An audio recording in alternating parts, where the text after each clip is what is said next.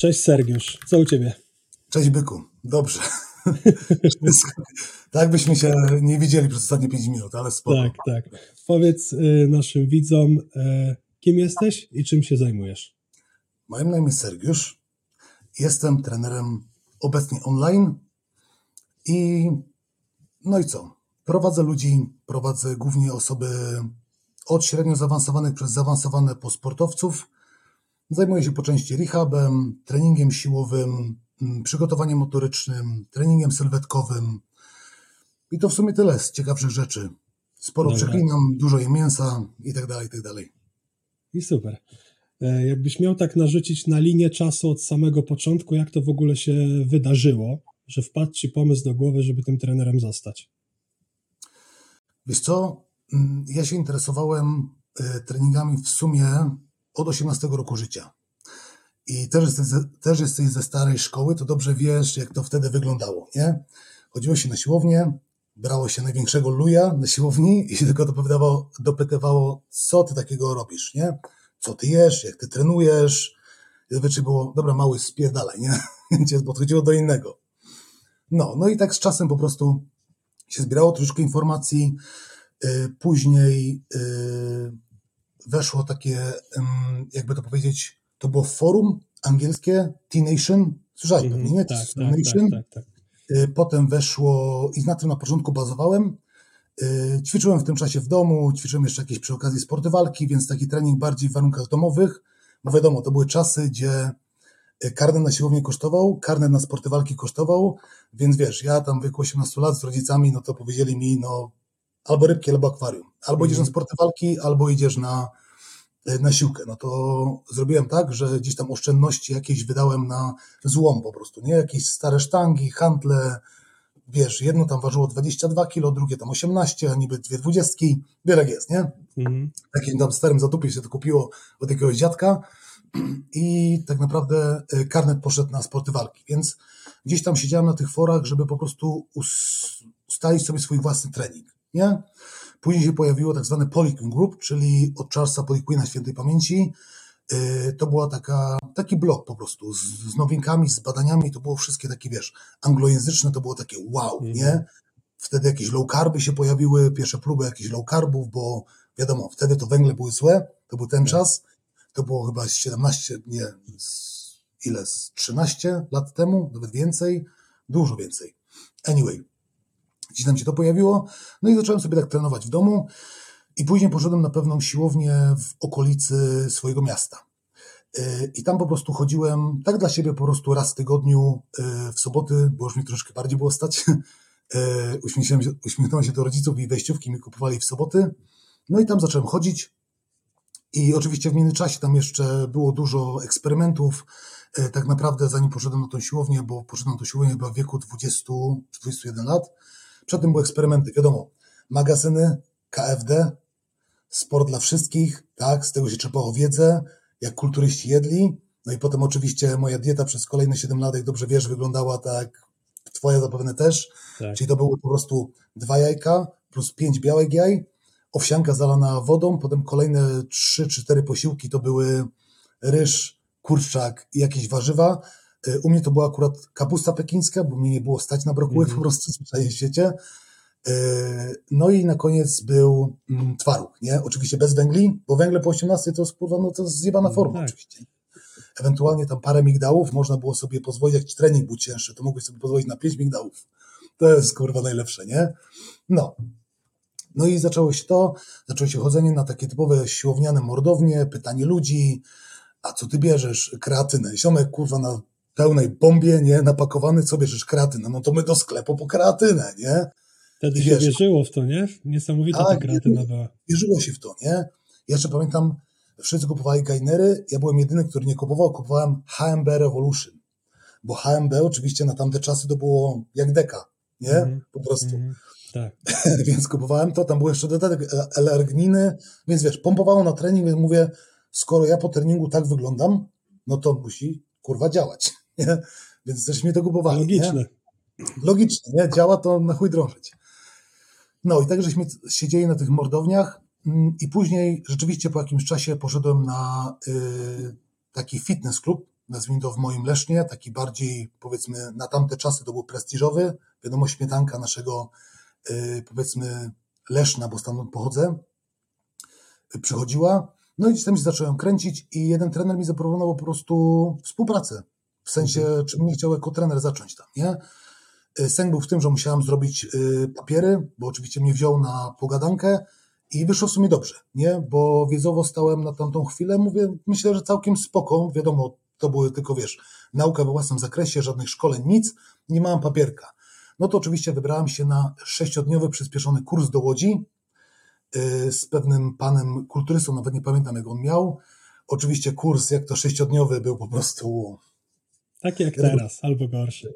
Tak, ja tego siedziałem i tak, co on kurwa pierdoli, nie? Tak, what the fuck, nie? Ale dobra. Zrobiony papier od razu, wiesz, podejście. Miałem chyba. Yy, egzamin w ogóle był yy, śmieszny, bo ja miałem jedno pytanie, bo on stwierdził, że skoro ktoś był aktywny i dużo się udzielał na yy, kursie, no to tak naprawdę no nie musi odpowiadać na wiele pytań. Ja dostałem wymień trzy głowy tricepsa. No i zrobione, no i dobra, dzięki, wychodzisz, nie? Ja mówię, aha, czyli jestem trenerem wymieniając trzy głowy tricepsa. Spoko, nie ma problemu, nie? Wróciłem tam, popracowałem dwa lata, ale stwierdziłem, że jest mi tam nudno, bo byłem już w pełni zabukowany, nie miałem miejsca yy, i oczywiście... Chodzi o personalne, tak? Tak, o personalki. No, nie miałem już miejsca. Oczywiście ten sławny fitness club yy, robił tak, że powiedzmy płaciłeś tam chyba 65-85 zł za sesję treningową, oni zabierali chyba 5 czy 6 dych, ty dostawałeś 15 czy 20 zł, nie? No to taka sama no, historia u nas jest cała. No, no to widzisz sam, no, no, wiesz, takie prywaciarze robią takie wyjeby, nie? Oczywiście jak to fitness club, nie? Więc oczywiście po dwóch latach się zmyłem. Yy, oczywiście nie omieszkałem powiedzieć yy, na gru zgrupowaniu, zebraniu walnym wszystkim razem z szefowi, co o nich myślę. Czasnąłem drzwiami, wyszedłem i na drugi dzień już wyleciałem do Anglii. I w Anglii yy, na początku mm, tak naprawdę no pojechałem tam z dziewczyną bez niczego, kompletnie, tam wiesz, 3-4 tysiące złotych, to mówię, starczy nam na tyle i tyle miesięcy, po dwóch tygodniach się skończyło. Zapłaciłeś się za chatę, za mieszkanie i mhm. kurwa, co teraz, nie? I było latanie tak naprawdę dużo stresu, z tego względu, że w Anglii tak naprawdę nie było czegoś takiego już wtedy, jak y, trener, którego siłownia zatrudnia i ten trener powiedzmy jest Y, na etacie i zarabia normalne siano, nie? Tam nie, tam było tylko na zasadzie czynszu. Czyli jeśli powiedzmy y, robiłeś 20 godzin jako trener tam na florze, tak, czyli oprowadzałeś y, klientów i tak dalej, i tak dalej, no to płaciłeś mniejszy czynsz, nie? Mhm. Potem przy, z 20 godzin mogłeś zejść na 10 godzin, płaciłeś jeszcze mniejszy czynsz, znaczy większy czynsz, a potem mogłeś zejść na tak zwany full rent, nie? czyli pełen czynsz, no i wtedy tak naprawdę jesteś wolny, płacisz tam od 500 do 700 funtów i tyle. No ale ja bez żadnej opcji, no to nie miałem jak zarobić, nie? Mhm. No to było kombinowanie, dostawanie się, w międzyczasie się dostałem jako yy, do baru, żeby robić drinki. Jak ja w życiu mało się napiłem drinków, w ogóle mało piłem, no. ale wiesz, ziomek się mnie pyta, czy umiem robić drinki. Ja mówię, no kurwa, raczej, nie? I całą nockę na YouTubie siedziałem, Long Island Beach, dobra, Yy, co jeszcze, pina colada, dobra, i wszystko, kurwa, uczenie się, no i leciałem tak dwa tygodnie. I najlepsze jest to, że po dwóch tygodniach dostałem, yy, miałem dostać wypłatę. I to był, pamiętam, piątek. I w piątek się do mnie odezwał yy, ziomek na rozmowę kwalifikacyjną, powiedział, że przyjdę na rozmowę kwalifikacyjną, jak ją przejdę, to zostaję jeszcze na takim szkoleniu wprowadzającym i od następnego dnia zaczynam. Sęk był w tym, że ja tego samego dnia miałem dostać wypłatę za dwa tygodnie. Więc albo to było dobra, albo dostaję wypłatę za dwa tygodnie i zostaję tutaj, albo idę tam i rzucam wszystko i ryzykuję, bo no, chciałem być trenerem, nie? No i poszedłem, bez totalnie siana, a my już byliśmy naprawdę zadłużeni z dziewczyną, nie? Więc na szczęście wtedy, no nie ukrywam, że rodzina nam pomogła, bo wysłała trochę grosza, rodzice i tam jeszcze dalsza rodzina, więc mhm. ściepnęli się wszyscy dla Polaków za granicą, nie? No mówimy tutaj, no kiedy to było? No to było 9 lat temu, tak naprawdę, no to wiesz, no to tam funt stał dosyć solidnie, nie? Więc no. tam sporo się zrzucili. Ale dobra, dostałem się do tej pracy, dostałem się do tak zwanego lifestyle fitnessu yy, i nagle wiesz, yy, tam było takie wow, bo naprawdę byli trenerzy ze szkoły Poliquina, Yy, dla mnie to było takie nowatorskie, co oczywiście teraz się wydaje takie tak naprawdę popierdolone, bo tam powiedzmy robili tak zwane biosignature, nie? Mhm. Czyli na dzień dobry mierzyli ci yy, kaliperem, gdzie masz dystrybucję tłuszczu, nie? I na tej podstawie na przykład układali ci dietę czy trening. Na przykład, yy, jeśli miałeś za dużo tkanki tłuszczowej na brzuchu, jest to powiązane z kortyzolem, co poniekąd jest prawdą na tą chwilę, jasne. A gdzieś tam pomiar na powiedzmy tricepsie oznaczał ilość testosteronu. Mhm. Pomiar na dole dupy, czyli góra hamstringa, było to poziom estrogenu, estradiolu, nie? Gdzieś tam na boczku to było yy, insulin sensitivity, nie? czyli wrażliwość insulinowa. Yy, cycek to był, yy, jak, bardzo, jak dużo masz metali ciężkich, tak? Jak masz otłuszczone cycki, to masz dużo metali ciężkich. No to już chyba lepiej powiązać to z estro, nie? Tak, no. tak, wiesz, na pewno chwilę oczywiście to było takie, kurwa, wow, mega, jak oni to robią, nie? I wiesz, i, i te pomiary, i to wszystko, i to było... No nowy świat dla Ciebie, bo w Polsce tego nie było w ogóle, nie? Tak, dokładnie, nowy świat, nie? I w ogóle te podejścia y, różne, tak, że y, tam był wielki boom na właśnie te podejścia Poliquina, nie? Czyli to było wszystko od, od tak naprawdę German Volume Training, które Poliquin wypromował, od German Body Composition, nie? I tam był po prostu schemat pracy E, bardzo prosty, bo głównie trenerzy bazowali, jeśli ktoś chciał nabrać masy mięśniowej, no to przypierdalało mu się German Volume Training, nie? Czyli 10 na 10 siadów, w super serii 10 na 10 e, uginań na nogi do domu, nie? Druga seria 10 na 10 wypychań na klatę, 10 na 10 wiosłowań. I tak wyglądały sesje, nie? Skuteczne były, jasne, no bo zapierdalałeś wiarę objętością i to taką, że to jest mm. masakra, nie? No to chcąc, nie chcąc urósł, nawet, nawet Grażynka czy Janusz urośli, a ci na redukcji bazowali na German Volume Training, czyli po prostu o biegach i tyle, nie? Tam nie było wtedy deficytu kalorycznego, tam było chcesz rosnąć, jesz węgle, nie chcesz rosnąć, idziesz na low carba, nie? Po prostu. I albo się udało, albo nie, w zależności jak ta osoba trzymała tą michę, nie? Więc nie było czegoś takiego kalorie wtedy, mm. no nie. I dla mnie to był taki po prostu, no wow, nie? Więc, yy, no i tam popracowałem dosłownie miesiąc z tego względu, że ja też otwierałem siłownię i tam było bardziej takie, to było w sumie podejście, które tutaj w Polsce mi do końca yy, nie odpowiada, z tego względu, że tam było bardzo takie podejście do klienta profesjonalne. Tam nie było jedzenia przy kliencie, tam nie było siadania przy kliencie. Za siadanie w trakcie sesji mógł cię właściciel wypierdolić z siłowni. Ja nie otwarłem, a tutaj w Polsce, wiesz, wiara siedzi kurwa z pudełeczkami, wpierdala, a klient robi, albo siedzi na komórkach, siada w ogóle, gada z nim mm. opierdoła. Za takie coś z tamtej siłowni yy, można było wypierdolić się, nie? Yy, ja wtedy pracowałem jeszcze z takimi trenerami jak yy, tam Robert Bobrzak był, yy, Wodenoszkowski, Andrzej Wodenoszkowski, no paru tam było takich, no na tamte czasy kotów, powiedzmy, na tamte czasy, teraz już może nie, ale tak czy inaczej było to coś, co naprawdę było fajne, co tego Polsce nie mamy, nie? No ja na przykład spóźniłem się w niedzielę, pamiętam, bo uciekł mi autobus, nie? Y, nie otwarłem siłowni przez godzinę, za co w poniedziałek wyleciałem. Więc no, dokładnie, nie? Czyli dalej, dalej bez kasy, dalej nie bez było miękkiej gry tam w ogóle.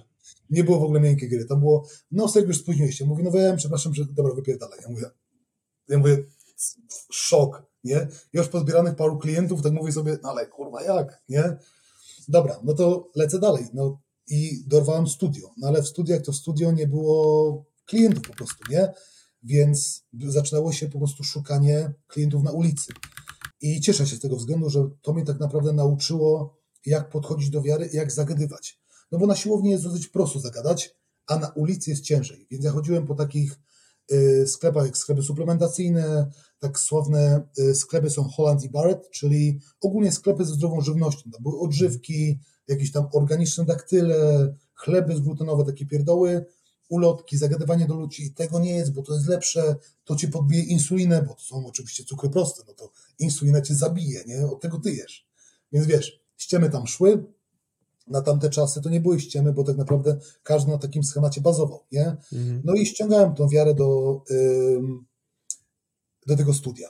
Po roku w tym studiu odezwali się do mnie z tej siłowni, powiedzieli, że o, fajnie ci idzie, bo już wtedy zacząłem tak rozkręcać troszeczkę bardziej to był Facebook wtedy. Wtedy Instagrama nie było tak naprawdę, nie? Tak. Podglądali na Facebooku, że dobrze mi idzie i chcą mi dać drugą szansę. No to sru od nowa, nie? No i tam już tak naprawdę przesiedziałem już do końca, czyli kolejne 7 lat, pracując jako trener. No i żeby tak nie przedłużać, tam w sumie zdobyłem najwięcej wiedzy praktycznej, bo naprawdę sama siłownia organizowała nam mega szkolenia, bo mieliśmy mnóstwo szkoleń z samym Charlesem Poliquinem, yy, z Check Clinic mieliśmy, no sporo tego było, naprawdę yy, mieliśmy cotygodniowe, chyba dwa czy trzy razy w tygodniu mieliśmy mentoringi z różnymi trenerami. Był trener od movementu, yy, dietetyk, dietetyczka właściwie, bo to była dietetyczka trener, Terezja Borsok z Węgier, więc naprawdę mieliśmy tam mm, duże pole do popisów, nie? No i tam przesiedziałem 7 lat, zdarzyła się pandemia, więc w trakcie pandemii stwierdziłem, dobra, to jest czas na wejście w online. I to było dwa lata, no ile? Trzy lata temu? Dwa. Dwa lata temu. Stwierdziłem, dobra, no to wszystko rzucam na jedną kartę z tego względu, że wiele to jest, jak próbujesz rozkręcić biznes online, pracując jako trener offline, nie? Wygląda to tak, że od poniedziałku do piątku zapierdasz do rana do wieczora, przychodzi niedziela, sobota, niedziela, gdzie ty jesteś wyjebany i masz siadać nad planami. Więc po prostu byłem dobrym trenerem stacjonarnym, a chujowym online, nie? I nigdy nie potrafiłem tego rozkręcić. Gdzieś tam miałem dwóch klientów, trzech, męczyłem się przy tym, nie wychodziło mi to, więc stwierdziłem, kurwa, to nie dla mnie. Ale zdarzyła się pandemia, więc wypierdoliłem wszystkich klientów, wypierdoliłem może nie, tylko po prostu stwierdziłem, że dobra, albo przy, dałem im ultimatum, albo przechodzimy online, albo nie współpracujemy, bo no, nie wiem, kiedy siłownie otworzą, a ja muszę żyć, więc sorry, wybieraj, nie? i chyba tam dwie osoby mi przeszły, więc zacząłem ogólnie biznes online z dwoma osobami i to z moimi stałymi klientami i jeszcze dwie osoby, które miałem na Skype, czyli cztery osoby.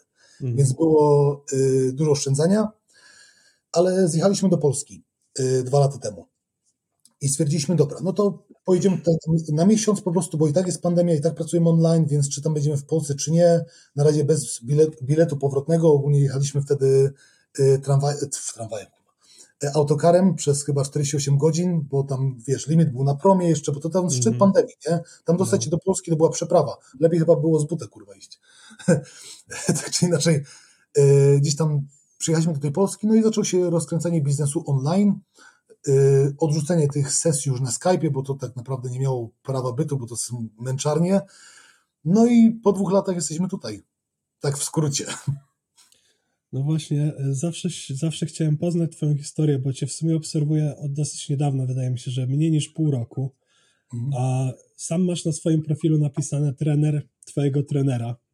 Widzę też na Twoim story, że yy, zresztą prowadzisz ludzi, którzy są po prostu zaawansowani, gdzieś tam fizjoterapeuci, trenerzy i tak dalej. Moim kolejnym pytaniem w ogóle do Ciebie było właśnie, gdzie się uczyłeś i skąd pozyskałeś taką wiedzę, że takich klientów E, pozyskujesz, bo oni są po prostu na dosyć wysokim poziomie, ale teraz już właściwie to tak naprawdę e, wyjaśniłeś skąd się to wszystko wzięło. I no fajną masz naprawdę historię, bo taka dosyć angielska, nietypowa, więc powiedzmy, że wjechałeś z dosyć taką fajną wiedzą na rynek polski, bo niby rynek polski poszedł do przodu, ale jednak jest trochę za murzynami w wielu kwestiach, co zresztą starasz się też wyjaśniać na swoim Instagramie, prawda? Tak, powiem Ci, że ja ten Instagram też po części poświęcam tak, wiesz, sorki.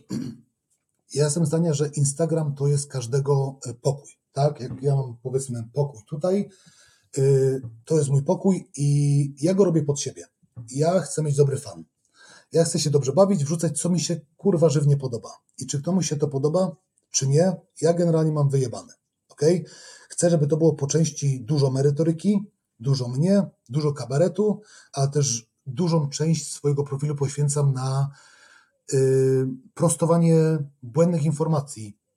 Głównie z, od angielskich trenerów, jak sam dobrze wiesz, jadę po skłodiu bezlitośnie, tak większość ludzi, no bo nie ukrywajmy, jeśli chodzi o powiedzmy zagranicę, czy tam Amerykę, Kanadę, Anglię, no to ich podejście jest dużo, dużo ponad naszym niestety. Polska i tak zajebiście rusza do przodu, bo coraz więcej osób, jak masz na przykład y, Artura Mora, jak praktyczna strona treningu, y, Kubę Surmacza, to jest y, i tam pewnie paru bym jeszcze wymienił, ale no nie chcę teraz w mhm. głowie myśleć, żeby nie zajmować czasu. Takie osoby już są bardziej, powiedzmy, które mi podpasowują, bo teraz tak, mamy osoby, które są evidence-based, tak, czyli głównie to są teraz gówniarze, którzy siedzą w badaniach na PubMedzie, tak, i mianowicie nie trenowałem nikogo w życiu, nikogo nie poprowadziłem, ale mam badania i ja wiem. Ale jeszcze angielskiego nie rozumieją do, do, dobrze, bo Tak, to angielski- język med, medyczny, bo nawet jeżeli rozumieją angielski, to medyczny to jest zupełnie inna liga, nie? Dokładnie. I w głównej mierze jest to cherry picking tak naprawdę, nie? Wybieranie sobie wisienek, tak? Czyli wpisują na PubMedzie, nie wiem, korelacja dolnego odcinka kręgosłupa z aktywnością fizyczną, tak? I biorą tylko abstrakt. Nie, nie przeczytają całego mm, badania, tylko biorą to, co chcą. A jak jakieś jest badanie, które nie wchodzi w ich niuans, no to odrzucają je momentalnie, nie? Czyli tak zwany cherry picking. Ale są jest też wiara, która rzeczywiście te badania robi skrupulatnie ale z drugiej strony niestety nie ma doświadczenia. No tak jak mówiłem, typu nie prowadziłem nikogo, ale mam mnóstwo badań. Z drugiej strony mamy tą starą szkołę, która nie uznaje badań albo nie czyta, nie ma czasu i bazuje na swoim doświadczeniu. Mianowicie, skoro to działa 20 lat temu, no to kurwa teraz też będzie działało. Pomimo, że już dawno ruszyliśmy ponad te sfery, tak? Nie każdy musi być na ryżu, kurczaku i owsiance zalanej wodą. To i tak ta wiara, ale to działało na mnie, to działało na 10 moich kolejnych podopiecznych, to na 11 też będzie działać. Nie? I mamy takie dwie. Właśnie ja szukam y, osób do jak po takiej kolaboracji, jak na przykład ty, praktyczna strona treningu, y, Marek Fischer, Miodożer i tak dalej, którzy są zarówno evidence-based, ale też mają pokrycie doświadczenia, tak? Czyli przeczytałem badanie. OK, jest to jakiś wniosek. Teraz użyję tego schematu na swoim kliencie, zobaczę, czy działa. Dobra, dane badanie potwierdza się przez parę miesięcy, bo użyłem tego z tym, tym i tym klientem, działa. I to jest podejście evidence-based, bo podejście evidence-based nie polega na wertowaniu badań i wymądrzaniu się na necie, bo to nikomu nie pomaga, tylko doprowadza tak naprawdę do kłótni, tak? Ale to badanie pokazało takie, ale to badanie pokazało takie, ale to, no, no nie, no to musi być połączone. Musi być połączone to doświadczenie z evidence-based razem, razem, razem i wtedy dopiero wychodzi tak naprawdę dobry trener, nie? I tego nam naprawdę w Polsce brakuje i to też staram się nas, u siebie na profilu robić, żeby usuwać te zbędne informacje, i teraz dlaczego? Bo, bo często, wiesz, wiara wchodzi na mój profil i Jezus, on znowu jedzie tego składu, on znowu je- jedzie jakiegoś trenera z Polski, on znowu coś tam oznacza, nie? Na kuwa po co, nie? Właśnie po to, żeby ułatwić. No bo zobacz, nie jest tak, że w Polsce już mamy problem z aktywnością fizyczną? No. w chuj. Wiara się boi iść na siłkę. Już nie mówię o tym, że o tym całym intimidation, tak, że wiara po prostu wychodzi z swojej, swojej strefy komfortu. W ogóle iść na siłkę to dla niektórych osób jest wyczyn no, niemalże ekstremalny, tak, bo musi wejść w nowe yy, środowisko, nie zna tam nikogo, same karki, tak, wiesz, maszyny, ona, ta osoba nie wie, co zrobić, tak? I teraz tak, dobra, myślę sobie, chuj, idę na siłkę. Wbijam to na siłkę i teraz rozgląda się, nie? Dobra, patrzę sobie na stopy. Y, Mam buty. Kurwa, czy ja mam dobre buty? Czy ja nie powinnam trenować na boso? Czy ja powinienem mieć płaskie obuwie? Bo ten na szkoleniu powiedział, że muszę chodzić boso. Ten z kolei na szkoleniu powiedział, że muszę bardziej dociskać palce do podłoża. Ten powiedział, że buty do biegania są chujowe do dźwigania. Dobra, już chuj z tym, idę dalej, nie? Idź dalej. O, ta maszynka wygląda fajnie, prosto mi się na nie robi, ale ten trener powiedział, że maszyny są po chuju, że nie są funkcjonalne. Kurwa, no chcę być funkcjonalny. To wezmę, o tym powiedział, że jest Bułgar. Dobra, to Bułgar, dobra, spoko. I teraz tak robię i tak patrzę w lustrze na tego Bułgara. Kurwa, na tym szkoleniu mi powiedzieli, że kąt nachylenia tułowia ma być ten sam, co kąt nachylenia piszczeli. Kurwa, nie mam tego. Dobra, jebać to ćwiczenie. Dobra, to co bym sobie tu zrobił? Yy, dobra, zrobię, o, zrobię biceps. No jak można zrobić źle biceps, nie? Dobra, to sobie robię biceps, nie? Ale jeden trener powiedział, że biceps też delikatnie podnosi ramię. To ja powinienem iść tutaj. Ale z kolei ten, który twierdzi biomechanicznie, powiedział, że ja muszę robić tylko tu. Kurwa, to ja nie mogę robić bicepsa. Nie? W ogóle, czy ja dobrze chodzę? W sumie tak patrzę w lustro, to ja mam hiperlordozę. Ja muszę ją naprawić. I kurwa, w sumie mam syndrom skrzyżowania górnego. I w sumie mam, mam pospinane te cyce. Kurwa, to ja idę, e, chuj, to ja nie ćwiczę. I wiem, że to brzmi może i ironicznie, śmiesznie i tak dalej, ale to jest kurwa prawda. Z No, jednej naprawdę. strony połowa naszych trenerów na kurwa Instagramie trąbi, że wiara za mało się rusza, a z drugiej sami tworzą bariery. Źle chodzisz. Źle stawiasz stopę. Masz złe obuwie. Masz słaby kor. Albo masz nieaktywny kor. Siedziałeś cały dzień? Pośladki ci kurwa nie działają. Jak ty w ogóle stoisz? Chłopie, kurwa. Siedziałeś cały dzień i ty chcesz robić trening? Jak ty No jak? siedzisz na tym krześle? Jak ty, tak, jak ty siedzisz na tym krześle. Tak, ty siedzisz, przecież to jest, momentalnie wstaniesz i na drugi dzień masz syndrom przerywania górnego. I nie możesz robić połowy ćwiczeń. I to jest właśnie mnie kurwa rozpierdala. I, I temu chcę po części też poświęcić Instagram, żeby pojechać frajernie. Sorry, bo to jest frajernia. Z tego względu, że tworzą bariery, a my mamy barier wystarczająco. Ja ci powiem tak, szczerze. Ja trenuję od 16 lat, od 15 roku życia to był pierwszy raz, jak tata mnie zabrał na siłownię. I powiem Ci tak, zaczynałem od, zatoczyłem takie jedno wielkie kółko. I myślę, że każdy, który tego słucha, powinien takie kółko prędzej czy później zatoczyć. Mianowicie, ja zaczynałem od podstaw typu trenuj ciężko, ale dbaj o regenerację, dbaj o sen, dbaj na, o nawodnienie i trzymaj michę. Te pięć punktów. Tylko tyle. Nie było żadnych wymyślnych rzeczy, żadnej aktywacji korów i tak dalej. Później oczywiście trafiałem na różnych trenerów, tak, mniej lub bardziej znanych. Niektórzy byli u Ciebie nawet na podcaście, więc nie wymienię, którzy. Yy, ale zaczęło się to oczywiście od aktywacji pośladków, tam pół godziny rozgrzewki, rozciąganie przed treningiem. Godzina rollera? Słucham? Godzina Tak. rollera? Oczywiście, godzina rollera, rolowanie Ja też tam dalej. byłem, więc wiem o co chodzi. Tak, każdy tam był, każdy zatoczył to kółko. Kor, pośladki, aktywacje i tak dalej, i tak dalej. I w końcu zatoczyłem jedno wielkie kółko z powrotem i jestem w tym samym momencie, gdzie byłem 16 lat temu. Trenuj ciężko, dbaj o nawodnienie, dbaj o sen, dbaj o michę. Tyle. Miej wyjebane na stopę, wyjebane jaka jest twoja postura, bo nie ma, nie ma literatury naukowej, nie ma literatury naukowej, która by stwierdziła, że postura wpływa nam na jakiekolwiek bóle. Nie. Co literatura nam mówi? Że to brak ruchu ogólnego wpływa na różne bolączki, tak? Skoro siedzisz cały dzień, tak, w jednym miejscu i cię coś boli, poruszaj się zwyczajnie. Pokręć się na tym krześle lewo, prawo, góra, przód, idź sobie zrobić kawę, idź zrobić klocka, odlej się i tak dalej, i tak dalej.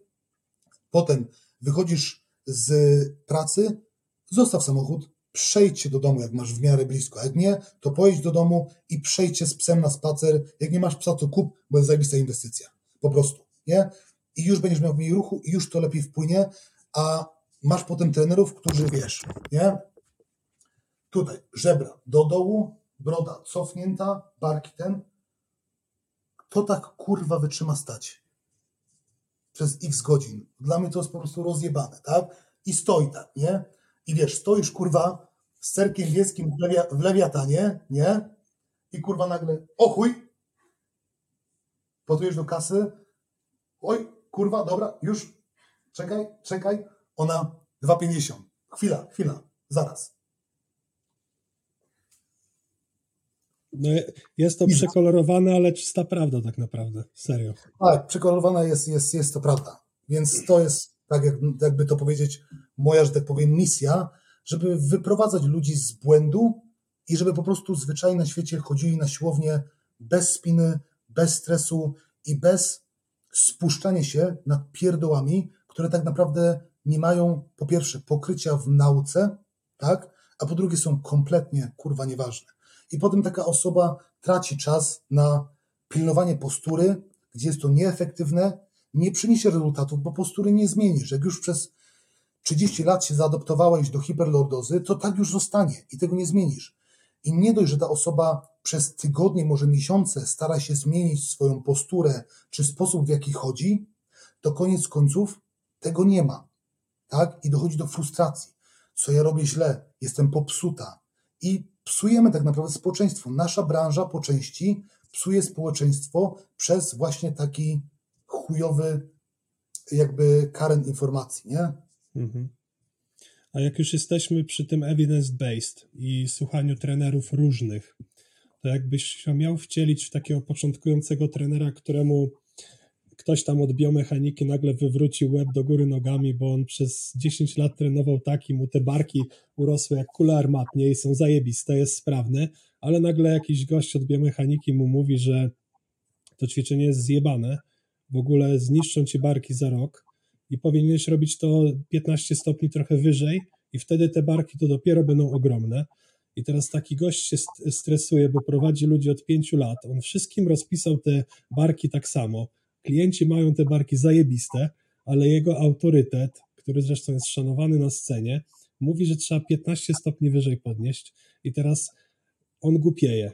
Gdzie on ma weryfikować tak naprawdę te informacje i kogo słuchać? I jaką byś miał taką poradę w ogóle, jak z tego gąszczu wszystkich specjalistów, którzy tak naprawdę są szkoleniowcami, mają zajebiste recenzje i inni trenerzy też ich polecają, no bo wiesz jak jest. I jak on, jak on ma spośród tego wszystkiego wyciągnąć właśnie taką średnią, o której ty mówisz? Wiesz co, ja zawsze mam takie powiedzenie, if it ain't broke, don't fix it. Jeśli coś nie jest zepsute, to tego nie naprawiaj. Skoro, jeśli by taki trener, powiedzmy, przyszedł do mnie na mentoring i zadał to samo pytanie, ja bym powiedział, działa? Działa. Masz rezultaty z klientami? Masz. To na tym powinien się skupić. Co z tego, że będziesz miał 3 do 5% więcej rezu rezultatów, tak, czy rezultatu z jednym barkiem, whatever, skoro i tak masz rezultaty. Nie zmienię niczego, rób dalej. Tak? Skoro działa, to działa. I to jest najprostsza chyba rada, jaką można powiedzieć, bo wertować wszystkich tych, bo ja wiem, to jest model biomechaniczny, który po prostu po pierwsze też ma bardzo małe poparcie w literaturze, jest to bardziej takie na zasadzie cherry picking. Jest dużo tych informacji, jest dużo badań, że to działa, ale jest też dużo badań, których nie działa. Jesteśmy takim 50-50, więc nie można powiedzieć, że model biomechaniczny jest dobry. Z kolei z drugiej strony, tak naprawdę na chłopski rozum rzeczywiście to 15% przyciągania drążka niżej do biodra, czy bardziej zaaktywuje region najszerszy, bardziej od strony lędźwi? Who fucking cares? Kogo to kurwa obchodzi? To może być, nie wiem, przydatne komuś, kto rzeczywiście idzie na scenę, ma dwa miesiące do wyjścia na scenę i rzeczywiście ta partia y, jest w tyle i on musi to zrobić. Może mieć to zastosowanie. Tylko tyle. Hipertrofia jest bardzo kurwa prosta. Ale co tu się dzieje? Wiara od biomechaniki, tak, zaczyna utrudniać tą kwestię. Powiem Ci no. tak, model biomechaniczny, ten model biomechaniczny, o którym mówimy, to jest ekwiwalent tego, że wszystko zaczyna się od stopy. Albo aktywuj core. To jest to samo. Po prostu utrudnianie, tak? Kup moją książkę, kup mój produkt, bo inaczej nie urośniesz. Stary. Wszyscy do tej pory rośli. Tak, zanim pojawił się model biomechaniczny, zobacz jakie knury mieliśmy na kulturystycznej scenie. Chociażby kurwa Słodkiewicz, kawał skurwiela. Myślisz, że on na tamte czasy wiedział, co to jest model biomechaniczny? No, no, no, no nie. Schwarzenegger, Coleman? Nie. Albo oni brali sterydy. A teraz kulturyści nie biorą sterydów? Biorą mi to jeszcze więcej. I to ładują incest z hormonem wzrostu. I jeszcze kurwa 15 innych rzeczy, tak? Do których w tamtych czasach nie mieli dostępu. A nie wiedzieli, nie wiedzieli, co to biomechanika. Co wiedzieli? Wpierdalaj dużo, trenuj ciężko, śpi. Wracamy konsekwentnie. Konsekwentnie, w kółko, w kółko.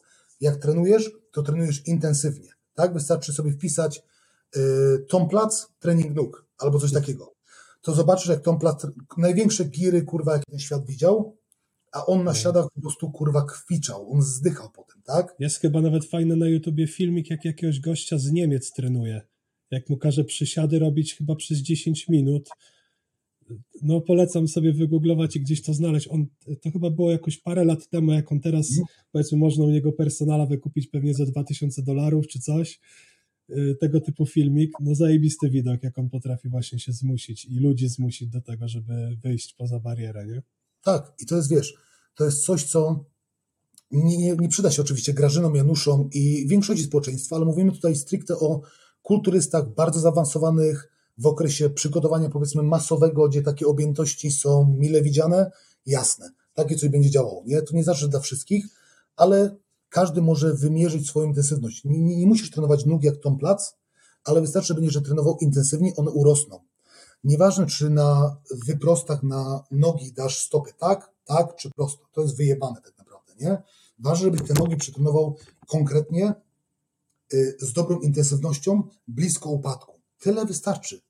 Praca blisko upadku, wystarczająco dużo napięcia mięśniowego i wystarczająca nie za duża, nie za mała objętość. Te trzy faktory przyczyniają się do hipertrofii, plus surplus kaloryczny, wszystko to powinieneś wiedzieć. A czy linka z góry będzie ci szła tutaj, czy tutaj i tak najszersze popracuje. Dobra, zejdzie niżej, popracuje o 5% bardziej. No i chuj, kogo to obchodzi, tak? I potem wiara przychodzi i myśli kurwa o procentach, zamiast trenować ciężko. I potem mamy ziomków, którzy dokładnie wiedzą, jak zaangażować lędźwiową część najszerszego, a nie potrafią nikogo wytrenować. Tak naprawdę. Tak mówisz ty, też ostatnio u ciebie zajrzałem na QA, to też mówiłeś to samo co ja. Nie patrz na trenera, nie patrz na jego osiągnięcia jako on sam, jako atleta, tak? Czy to jest kulturysta, crossfitter, trójbojarz, dwubojarz, whatever. Patrz na jego klientów. Mm. Po prostu, bo klienci ci powiedzą, czy klienci dadzą, dają mu dobry feedback, czy mają rezultaty, tak? Czy możesz pokazać te rezultaty, czy możesz nimi pochwalić, czy są silniejsi, sprawniejsi, lepiej wyglądają i czy są szczęśliwi, bo to jest najważniejsze w pracy trenera. Ludzi powinno głównie obchodzić, jak trener wygląda. To nie jest kompletnie ważne. Ważne jest jego rezultat z klientami, bo to jest trener, tak?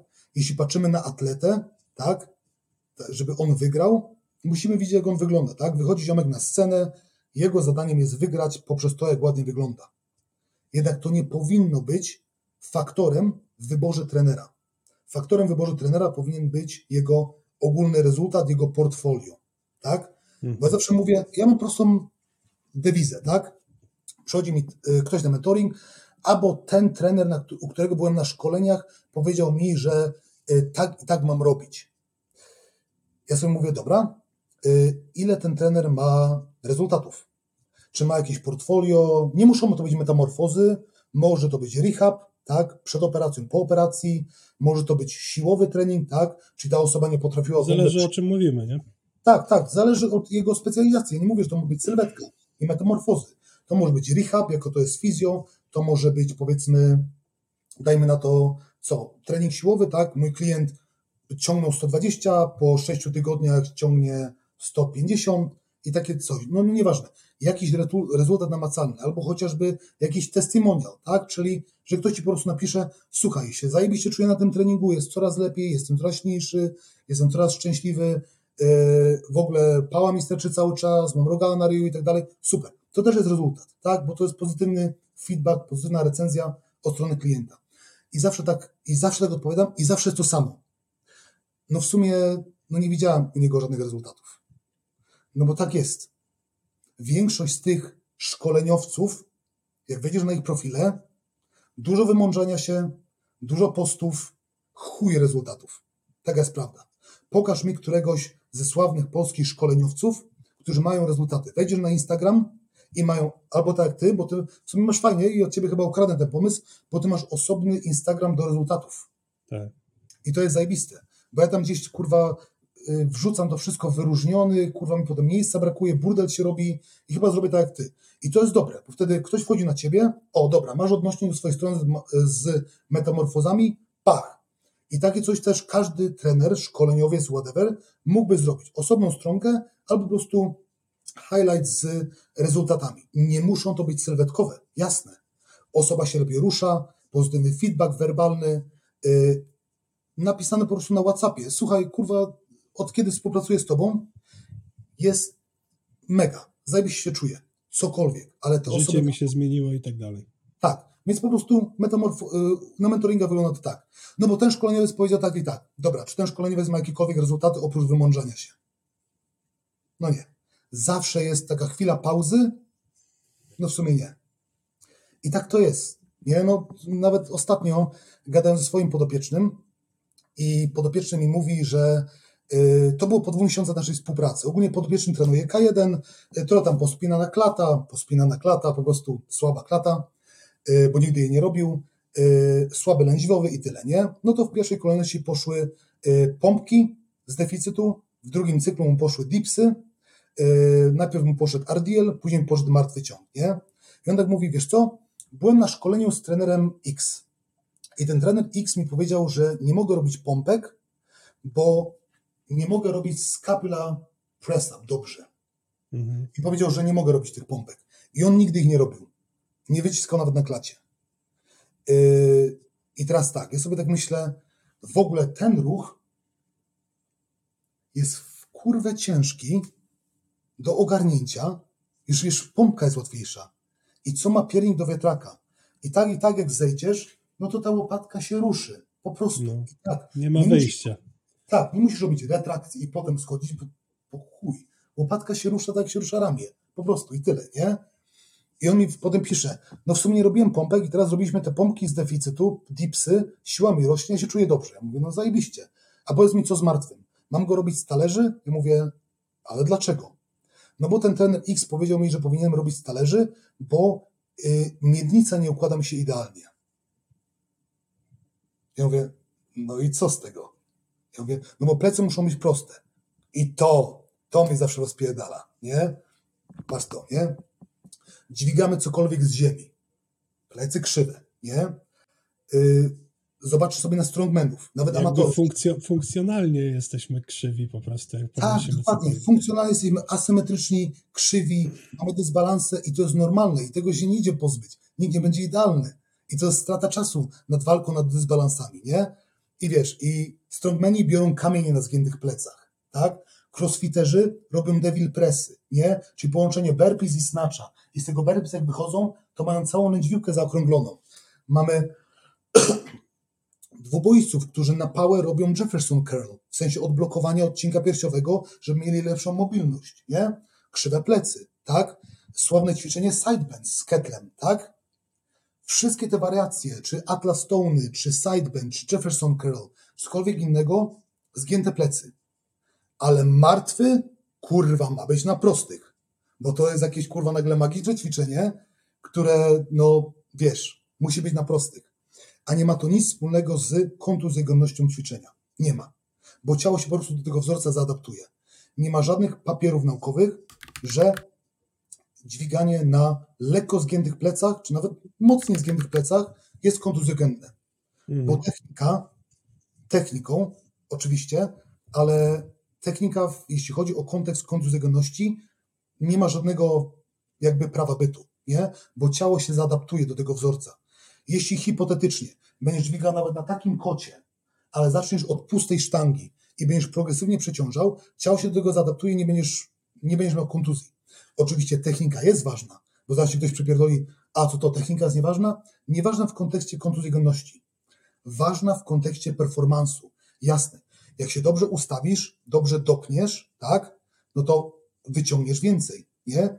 Dobre porównanie. Dlaczego jak idziesz na przysiad, robisz 120 kg powiedzmy na powtórzenia, ale na leg czy na hack squacie 300 kg?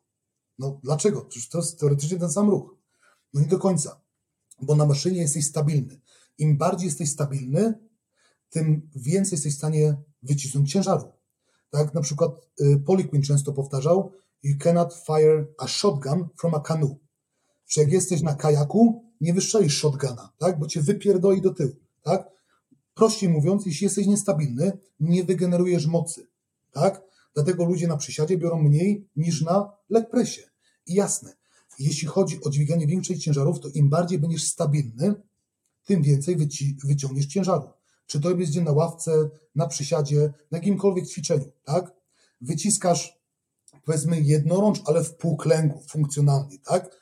Wyciśniesz mniej, mniej, nie jak się usiądziesz dwoma handlami i wyciśniesz nad głowę. To jest normalne, bo jesteś po prostu bardziej stabilny. I w kontekście stabilności generowania siły, mocy, to technika jest bardzo ważna w kontekście kontuzjogenności typu tak nie dźwigaj, bo coś się stanie, to spierdolenie po prostu. Nie? Mhm. Dobra, to lecimy dalej, bo odpowiedź była szeroka i bardzo fajnie, żeby nie było. E, mam do Ciebie trochę dłuższe pytanie, więc na razie e, zapytam Cię, czy zgodzisz się ze mną, że na swoich social mediach trzeba być sobą i nikogo nie udawać? Bardzo się zgodzę. No, pytam Cię dlatego, bo Ty w swoim przekazie po prostu jesteś sobą, zresztą w tym podcaście sam to powiedziałeś. I y, tak jak obserwuję Twój Instagram, to widać, że ludzie Cię za to cenią. I zresztą dlatego ja też Cię zaprosiłem do tego podcastu, bo można z Tobą normalnie pogadać bez udawania.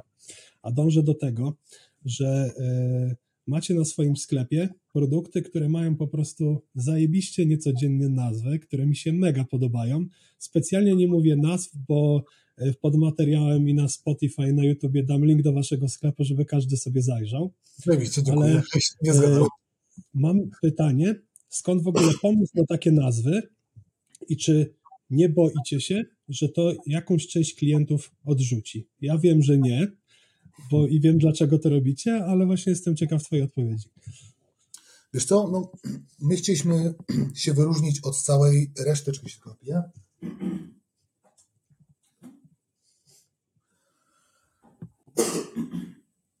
My chcieliśmy się wyróżnić na początku od całej reszty trenerów.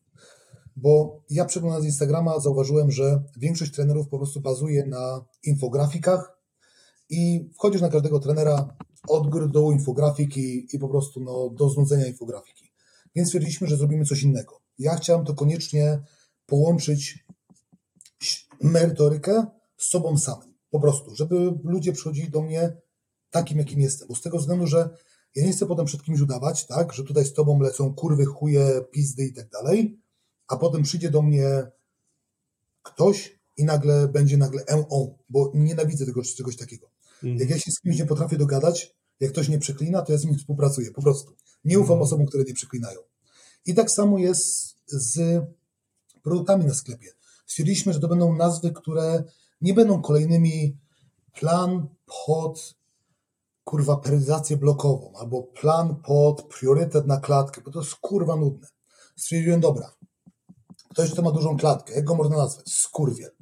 Spoko, dobra no to jaki można mieć, jaki można mieć pośladek? Zgrabny pośladek, y, plan podkształtowanie pośladka? Nie, konkretny zad, po prostu. Miała być duża dupa, ale wiadomo, konkretny zad brzmi troszeczkę lepiej i tak dalej, i tak dalej. I jasne, odstraszy to część klientów i dobrze, bo to jest właśnie, ja to nazywam filtrem. To jak ja się zachowuję, jak ja się wypowiadam, yy, jakie mam nawet nazwy swoich produktów, yy, whatever, to pewną część klientów odstraszy. Tą dobrą część, a raczej tą złą. Bo ja z takimi osobami nie chcę współpracować. Serio. Ja po prostu chcę współpracować z kimś, kto nadaje na moich falach, na tych samych. I póki co zajebiście mi się to udaje, bo na chwilę obecną mam w przedziale gdzieś tam 38-42 klientów, coś, coś w tym rodzaju i z każdym się dogaduję.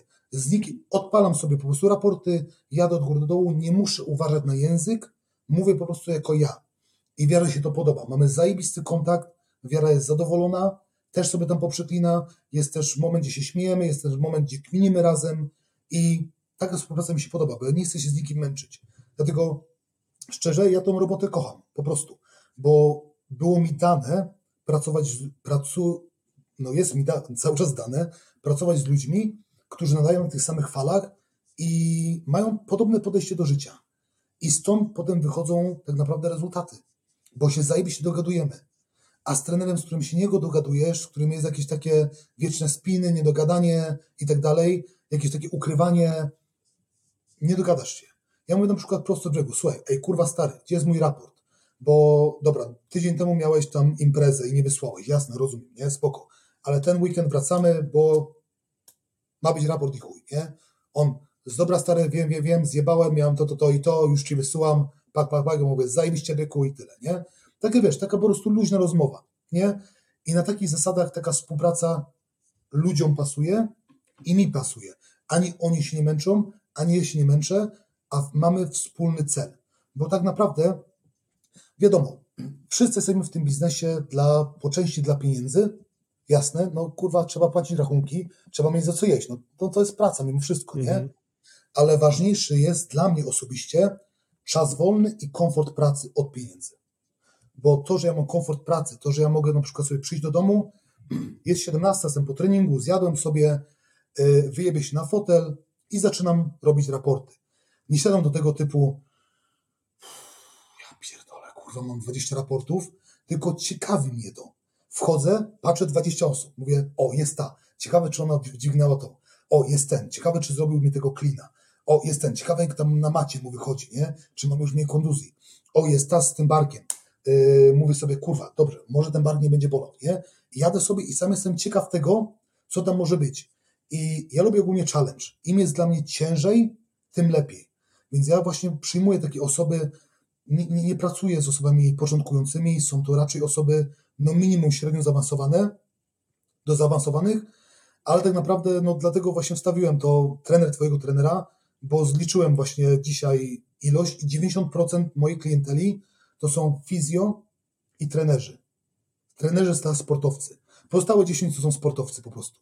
Albo mhm. przygotowanie motoryczne i tak dalej. Ale większość to są no, trenerzy, y, fizjo, rehabilitanci i tak dalej, i tak dalej.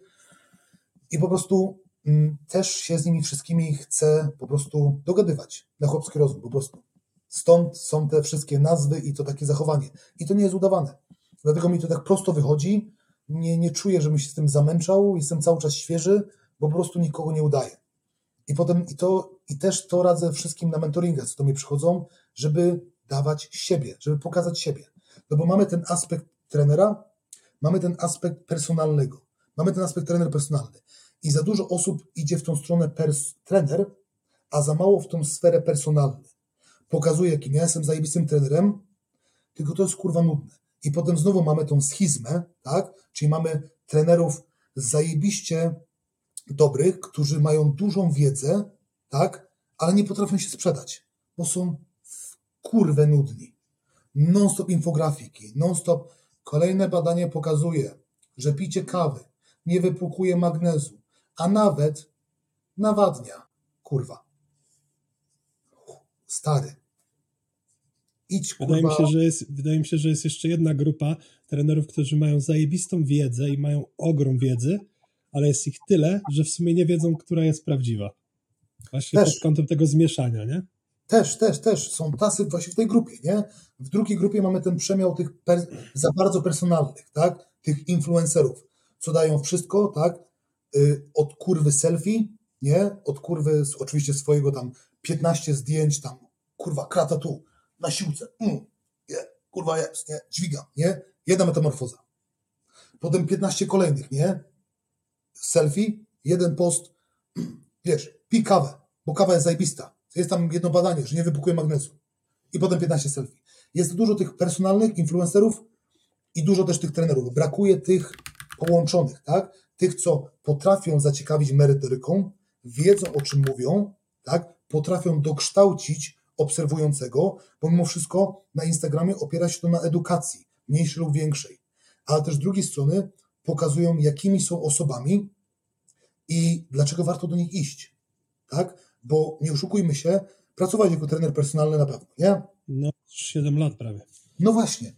I wiesz, jak to jest, że dlaczego do ciebie przychodzili na przykład niektóre osoby, pomimo że byli inni trenerzy na siłowni? Może dlatego, że dobrze wyglądałeś, ale na pewno nie dlatego, że dużo wiedziałeś, dlatego, że jeszcze te osoby cię nie znały, mhm. ale podeszły z jakichś powodów. Może dobrze ci z oczu patrzyło, może ci tam cię podsłuchały, może poglądały na Instagramie, ale zaciekawiłeś ich w pierwszym momencie nie swoją wiedzą, ale swoją osobowością. Bo to osobowość powinna być pierwsza, jeśli chodzi o przyciąganie klienta czy podopiecznego, a dopiero później przychodzi ta wiedza. Bo wiara musi zobaczyć, że ty nie jesteś nudną pyrą na początku, żeby wejść w tą współpracę, a wiedza zawsze przyjdzie potem, nie? Mhm. Tak jest przynajmniej no no właśnie ja też zawsze radzę, żeby być sobą, no bo popracujesz dwa tygodnie z taką osobą i albo ci się nie będzie chciało udawać i w końcu pękniesz i zobaczy kim jesteś i ta współpraca po prostu się nie uda. Po co ci te 300, 400, 500 złotych, skoro co chwilę będziesz miał rotację ludzi i w efekcie też nie będziesz miał efektów z tymi ludźmi, bo nie będziesz miał na kim, nie? Tak naprawdę. Jasne, jasne i każdy był w tym miejscu. Ja też jak zaczynałem jako trener, to było dobrze, trzy serie, Mm, teraz mamy dwie minuty przerwy. Mm, to ćwiczenie dobrze wykonywałeś. Tutaj bardzo dobrze było, wszystko szybko, szybka baza koncentryczna, wolna ekscentryczna, no. I to było właśnie takie, i ja byłem tak wypalony po całym dniu takiej pracy, że przychodziłem do domu i po prostu było takie fuck. W chuj byłem wurchony mentalnie, bo nie byłem sobą. I to też jest właśnie na niekorzyść trenerów, że udają kogoś, a udawanie kogoś to jest podwójny effort. Bo musisz nie dość, że być z osobą, to jeszcze mhm. uważaj na to, co mówisz, na to, co robisz i w ogóle to jest kurwa taki mindfuck, że to jest koniec. Dlatego po prostu prościej jest być sobą. Jak komuś nie spodoba, trudno. Uwierz mi, jak będziesz współpracował z osobą, na którą, z którą nie nadajesz na wspólnych tych samych falach, to prędzej czy później się to rozpadnie. Może dwa mhm. miesiące, może za pół roku, ale ta współpraca nie będzie owocna, bo ta osoba nie będzie się starać. I tyle. Więc ja zawsze mówię, rób swoje. Kto do ciebie przyjdzie, to przyjdzie. Nie jesteś dla wszystkich. O, jak to mówi mhm. Zenia Skiniowca. No właśnie. Yy, Zenia Skiniowca jeszcze cię zapytam, ale mam do ciebie takie pytanie. Jakie masz zdanie na temat budowania relacji z innymi trenerami? Nawet nie chodzi mi o to, żeby z nimi współpracować, w sensie, żeby byli twoimi podopiecznymi, ale bardzo często widzę, że wielu influencerów, trenerów, dietetyków nie poleca innych ludzi albo po prostu boi się oddać klienta, gdy nie są kompetentni, tylko udają, że umieją rozwiązać problem. I ty troszkę odpowiedziałeś wcześniej na to pytanie, ale może się rozwiniesz właśnie, jakie masz zdanie na temat właśnie szukania znajomości, budowania relacji w branży, żeby właśnie gdzieś tam się krosować z innymi? No, na początku znajduję ich na Instagramie, sprawdzam przez długi czas ich followuję i potem zazwyczaj się z nimi spotykam. Albo do nich jadę, jak to było na przykład już ze wcześniej wspomnianym y, Arturem y, z praktycznej strony treningu. Obserwowałem go długi czas, miałem tam problem z biodrem, y, pojechałem do niego i bardzo mi się to spodobało, z tego względu, że zrobił mu lekką reklamę, ale wiesz, była to sesja, ale przez godzinę ja gadałem, on notował. Dawał mi pytanie, notował, ja mówiłem. I to jest coś, co na konsultacjach ludziom, trenerom brakuje. Oni po prostu mówią, no tutaj zrobimy to. Nie, na konsultacji trener zamyka mordę.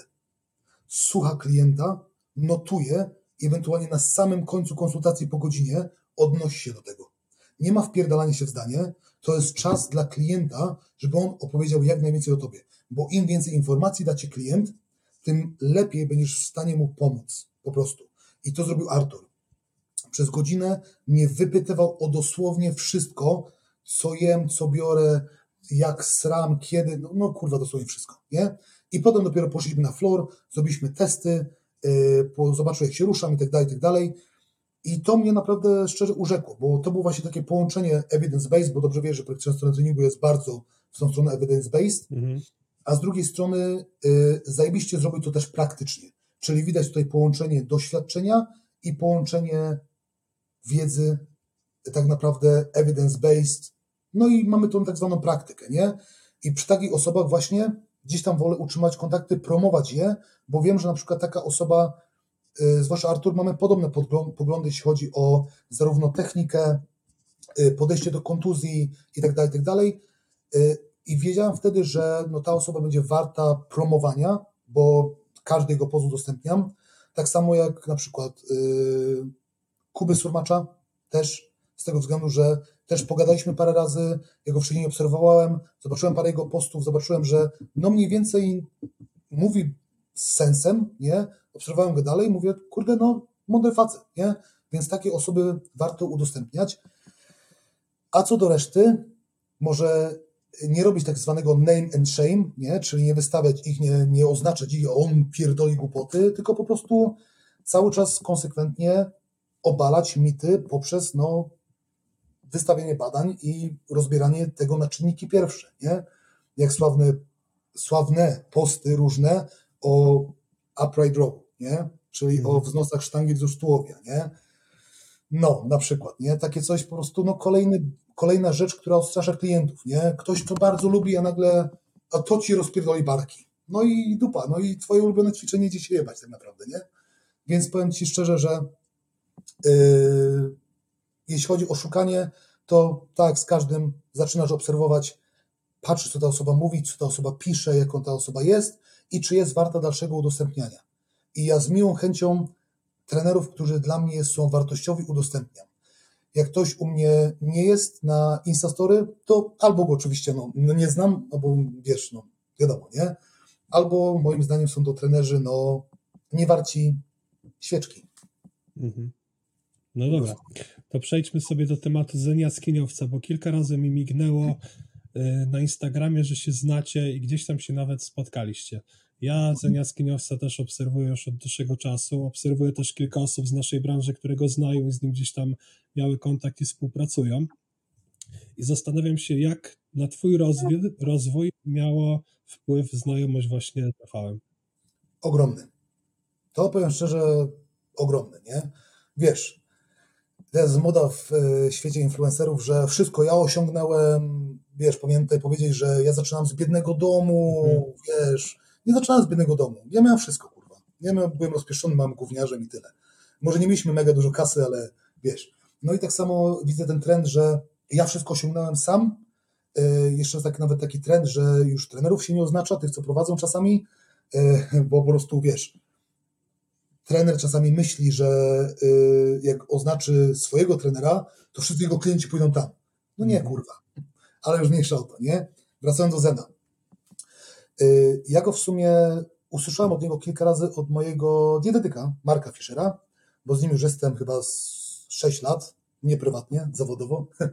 Y, I gdzieś tam mi wspominał. Ja tak za bardzo nie byłem na początku za nim, jak mam być szczery, bo gdzieś tam te motywacyjne, myślałem, że to jest kolejne motywacyjne pierdolenie, jak tam, nie wiem. Ja też tak miałem.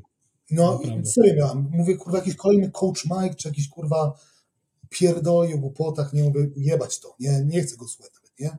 Marek tam dążył. Potem kilku moich podopiecznych i nawet taka podopieczna y, nasza radczyni prawna, moja i Marka, razem ją prowadzimy, bardzo się przydaje, taka radczyni prawna. Zalecam mieć jedną klientkę związaną z prawem, bo to bardzo ułatwia sprawę. Tak, podbijam temat. Tak, dokładnie. Więc radczyni prawna jest na wagę złota jako klientka. Y, no i ona też mi zaczęła gadać. Ona też była taka bardziej nastawiona na nie, ale mówię, ona zaczęła tak gadać, tak mówię, kurwa, nie? Zacząłem go obserwować. Mówię sobie, hmm, no w sumie spoko. No i wiesz, jak to jest zenem, nie? Zacząłem go słuchać na początku, na początku była niechęć, szczerze powiedziawszy, nie? Była taka, no, mm, coś tam, nie? Im dalej w las, im dalej go słuchałem, im dalej zacząłem myśleć. Bo duży problem z odbiorcami Zena jest taki, że oni słuchają, ale nie myślą. Bo większość, może nie większość, ale część Polaków, nie oszukujmy się, to są dzbany. Tak? zawsze znajdą dzbany. Jak weźmiesz 100 Polaków, tak, zamkniesz ich powiedzmy na jednej hali, no to ile procent z tej stówy to będą idioci? Większość, większość. Większość, może 1%, może 10%, trudno powiedzieć, ale zawsze jeden czy dwóch idiotów się znajdzie, tak? Zawsze będzie, szczepionki nie działają, paska ziemi, y, kurwa, jakiś debil się znajdzie, nie? No i wiesz, i większość osób po prostu ogląda Zena, czy tam słucha Zena, dla słuchania. A to tak nie działa, bo Zen mówi w ten sposób, żebyś ty zaczął myśleć sam. On ci daje, on ci podsuwa narzędzie i się wycofuje. To nie jest coś takiego jak reszta coachów. Tak, słuchaj, musisz wstawać o trzeciej, musisz robić to, to i to, musisz tak i tak pracować, zimny prysznic, kurwa, musi być, tak, potem trening, potem kawa, dopiero potem śniadanie. Oni ci rozrysowują sami swój układ na ciebie. I dlatego to jest chujowe, bo potem te osoby się zmuszają do robienia czegoś, co nie jest ich. Zen robi inaczej. Zen podaje ci narzędzie w taki sposób i spierdala. Tak? Ma wyjebane, czy ty tego użyjesz, czy nie. Ty masz narzędzia, ty masz teraz użyć swojej głowy i woli, tak, żeby tych narzędzi użyć. Czy ty ich użyjesz, czy nie, chuj go to obchodzi. I prawidłowo bo to zen jest dla osób, które myślą. Jak ja już słyszę, że no mi zen nie podchodzi, spoko, nie musisz. Po prostu siedzisz i słuchasz. A to nie polega na siedzeniu słuchaniu, polega na siedzeniu i pomyśleniu, dobra, pauza. Pauzy są ważne. Jak, jak słuchasz zena, rób pauzy. To jest kurwa game changer. Słuchasz pewnej kwestii, tak, pewnego powiedzmy, nazwijmy to monologu, po 15 minutach robisz pauzę i myślisz, jak to, co on powiedział, możesz przełożyć na swoje życie. Dobra, w taki sposób. Ok, zapisz to, leć dalej z materiałem. I tylko w taki sposób to będzie działało. Bo samo słuchanie to po prostu będzie kolejna dawka motywacji, tak? Nasłuchasz się, kurwa, być i mieć, tak? Kurwa, ja po prostu mogę wszystko i tak dalej. Na drugi dzień robisz to samo. To to jest chujnie praca, nie? Wyciągnij Mhm. coś. Ja nie mówię, żeby wyciągać 100%, bo ja też nie wyciągam sam. Z być i mieć wyciągnąłem może 15%, szczerze. Ale to 15% mi w zupełności wystarczyło, żeby, żeby to był dla mnie game changer, chociażby te bloki egoizmu sławne.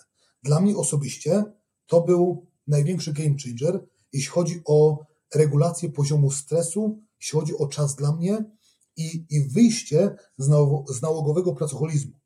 Bo ja wstawałem rano, myłem ryj i siadałem albo do raportów, albo do pracy. I po prostu pracowałem od rana do wieczora. I to był mój błąd, bo się wypalałem i była nawet sytuacja, że, jeszcze nikomu nie mówiłem, yy, że w lutym, idąc do Biedronki, wiadomo, rano wstałem, kawa, ryj, raporty, tu, poszedłem do Biedronki po śniadanie, nie? I byłem w Biedronce, obudziłem się w szpitalu.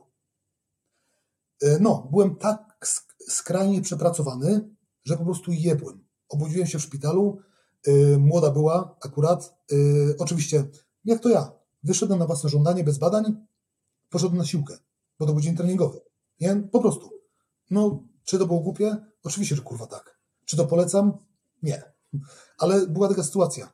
I dzięki temu blokowi yy, wyszedłem z tego. Yy, wyszedłem z tego pracoholizmu. Mam teraz swój czas, godzina do półtorej rano, robię tylko rzeczy dla siebie. Nic mi nie obchodzi, nie wchodzę na Whatsappa, nie wchodzę na Instagrama, nic. Robię medytację, przygotowuję swoje jedzenie, jem, odpoczywam, może oglądam sobie tam wikingów, ładę na samą ochotę, potem sobie rozplanuję cały dzień i dopiero wtedy ruszam. I dla mnie to był naprawdę game changer.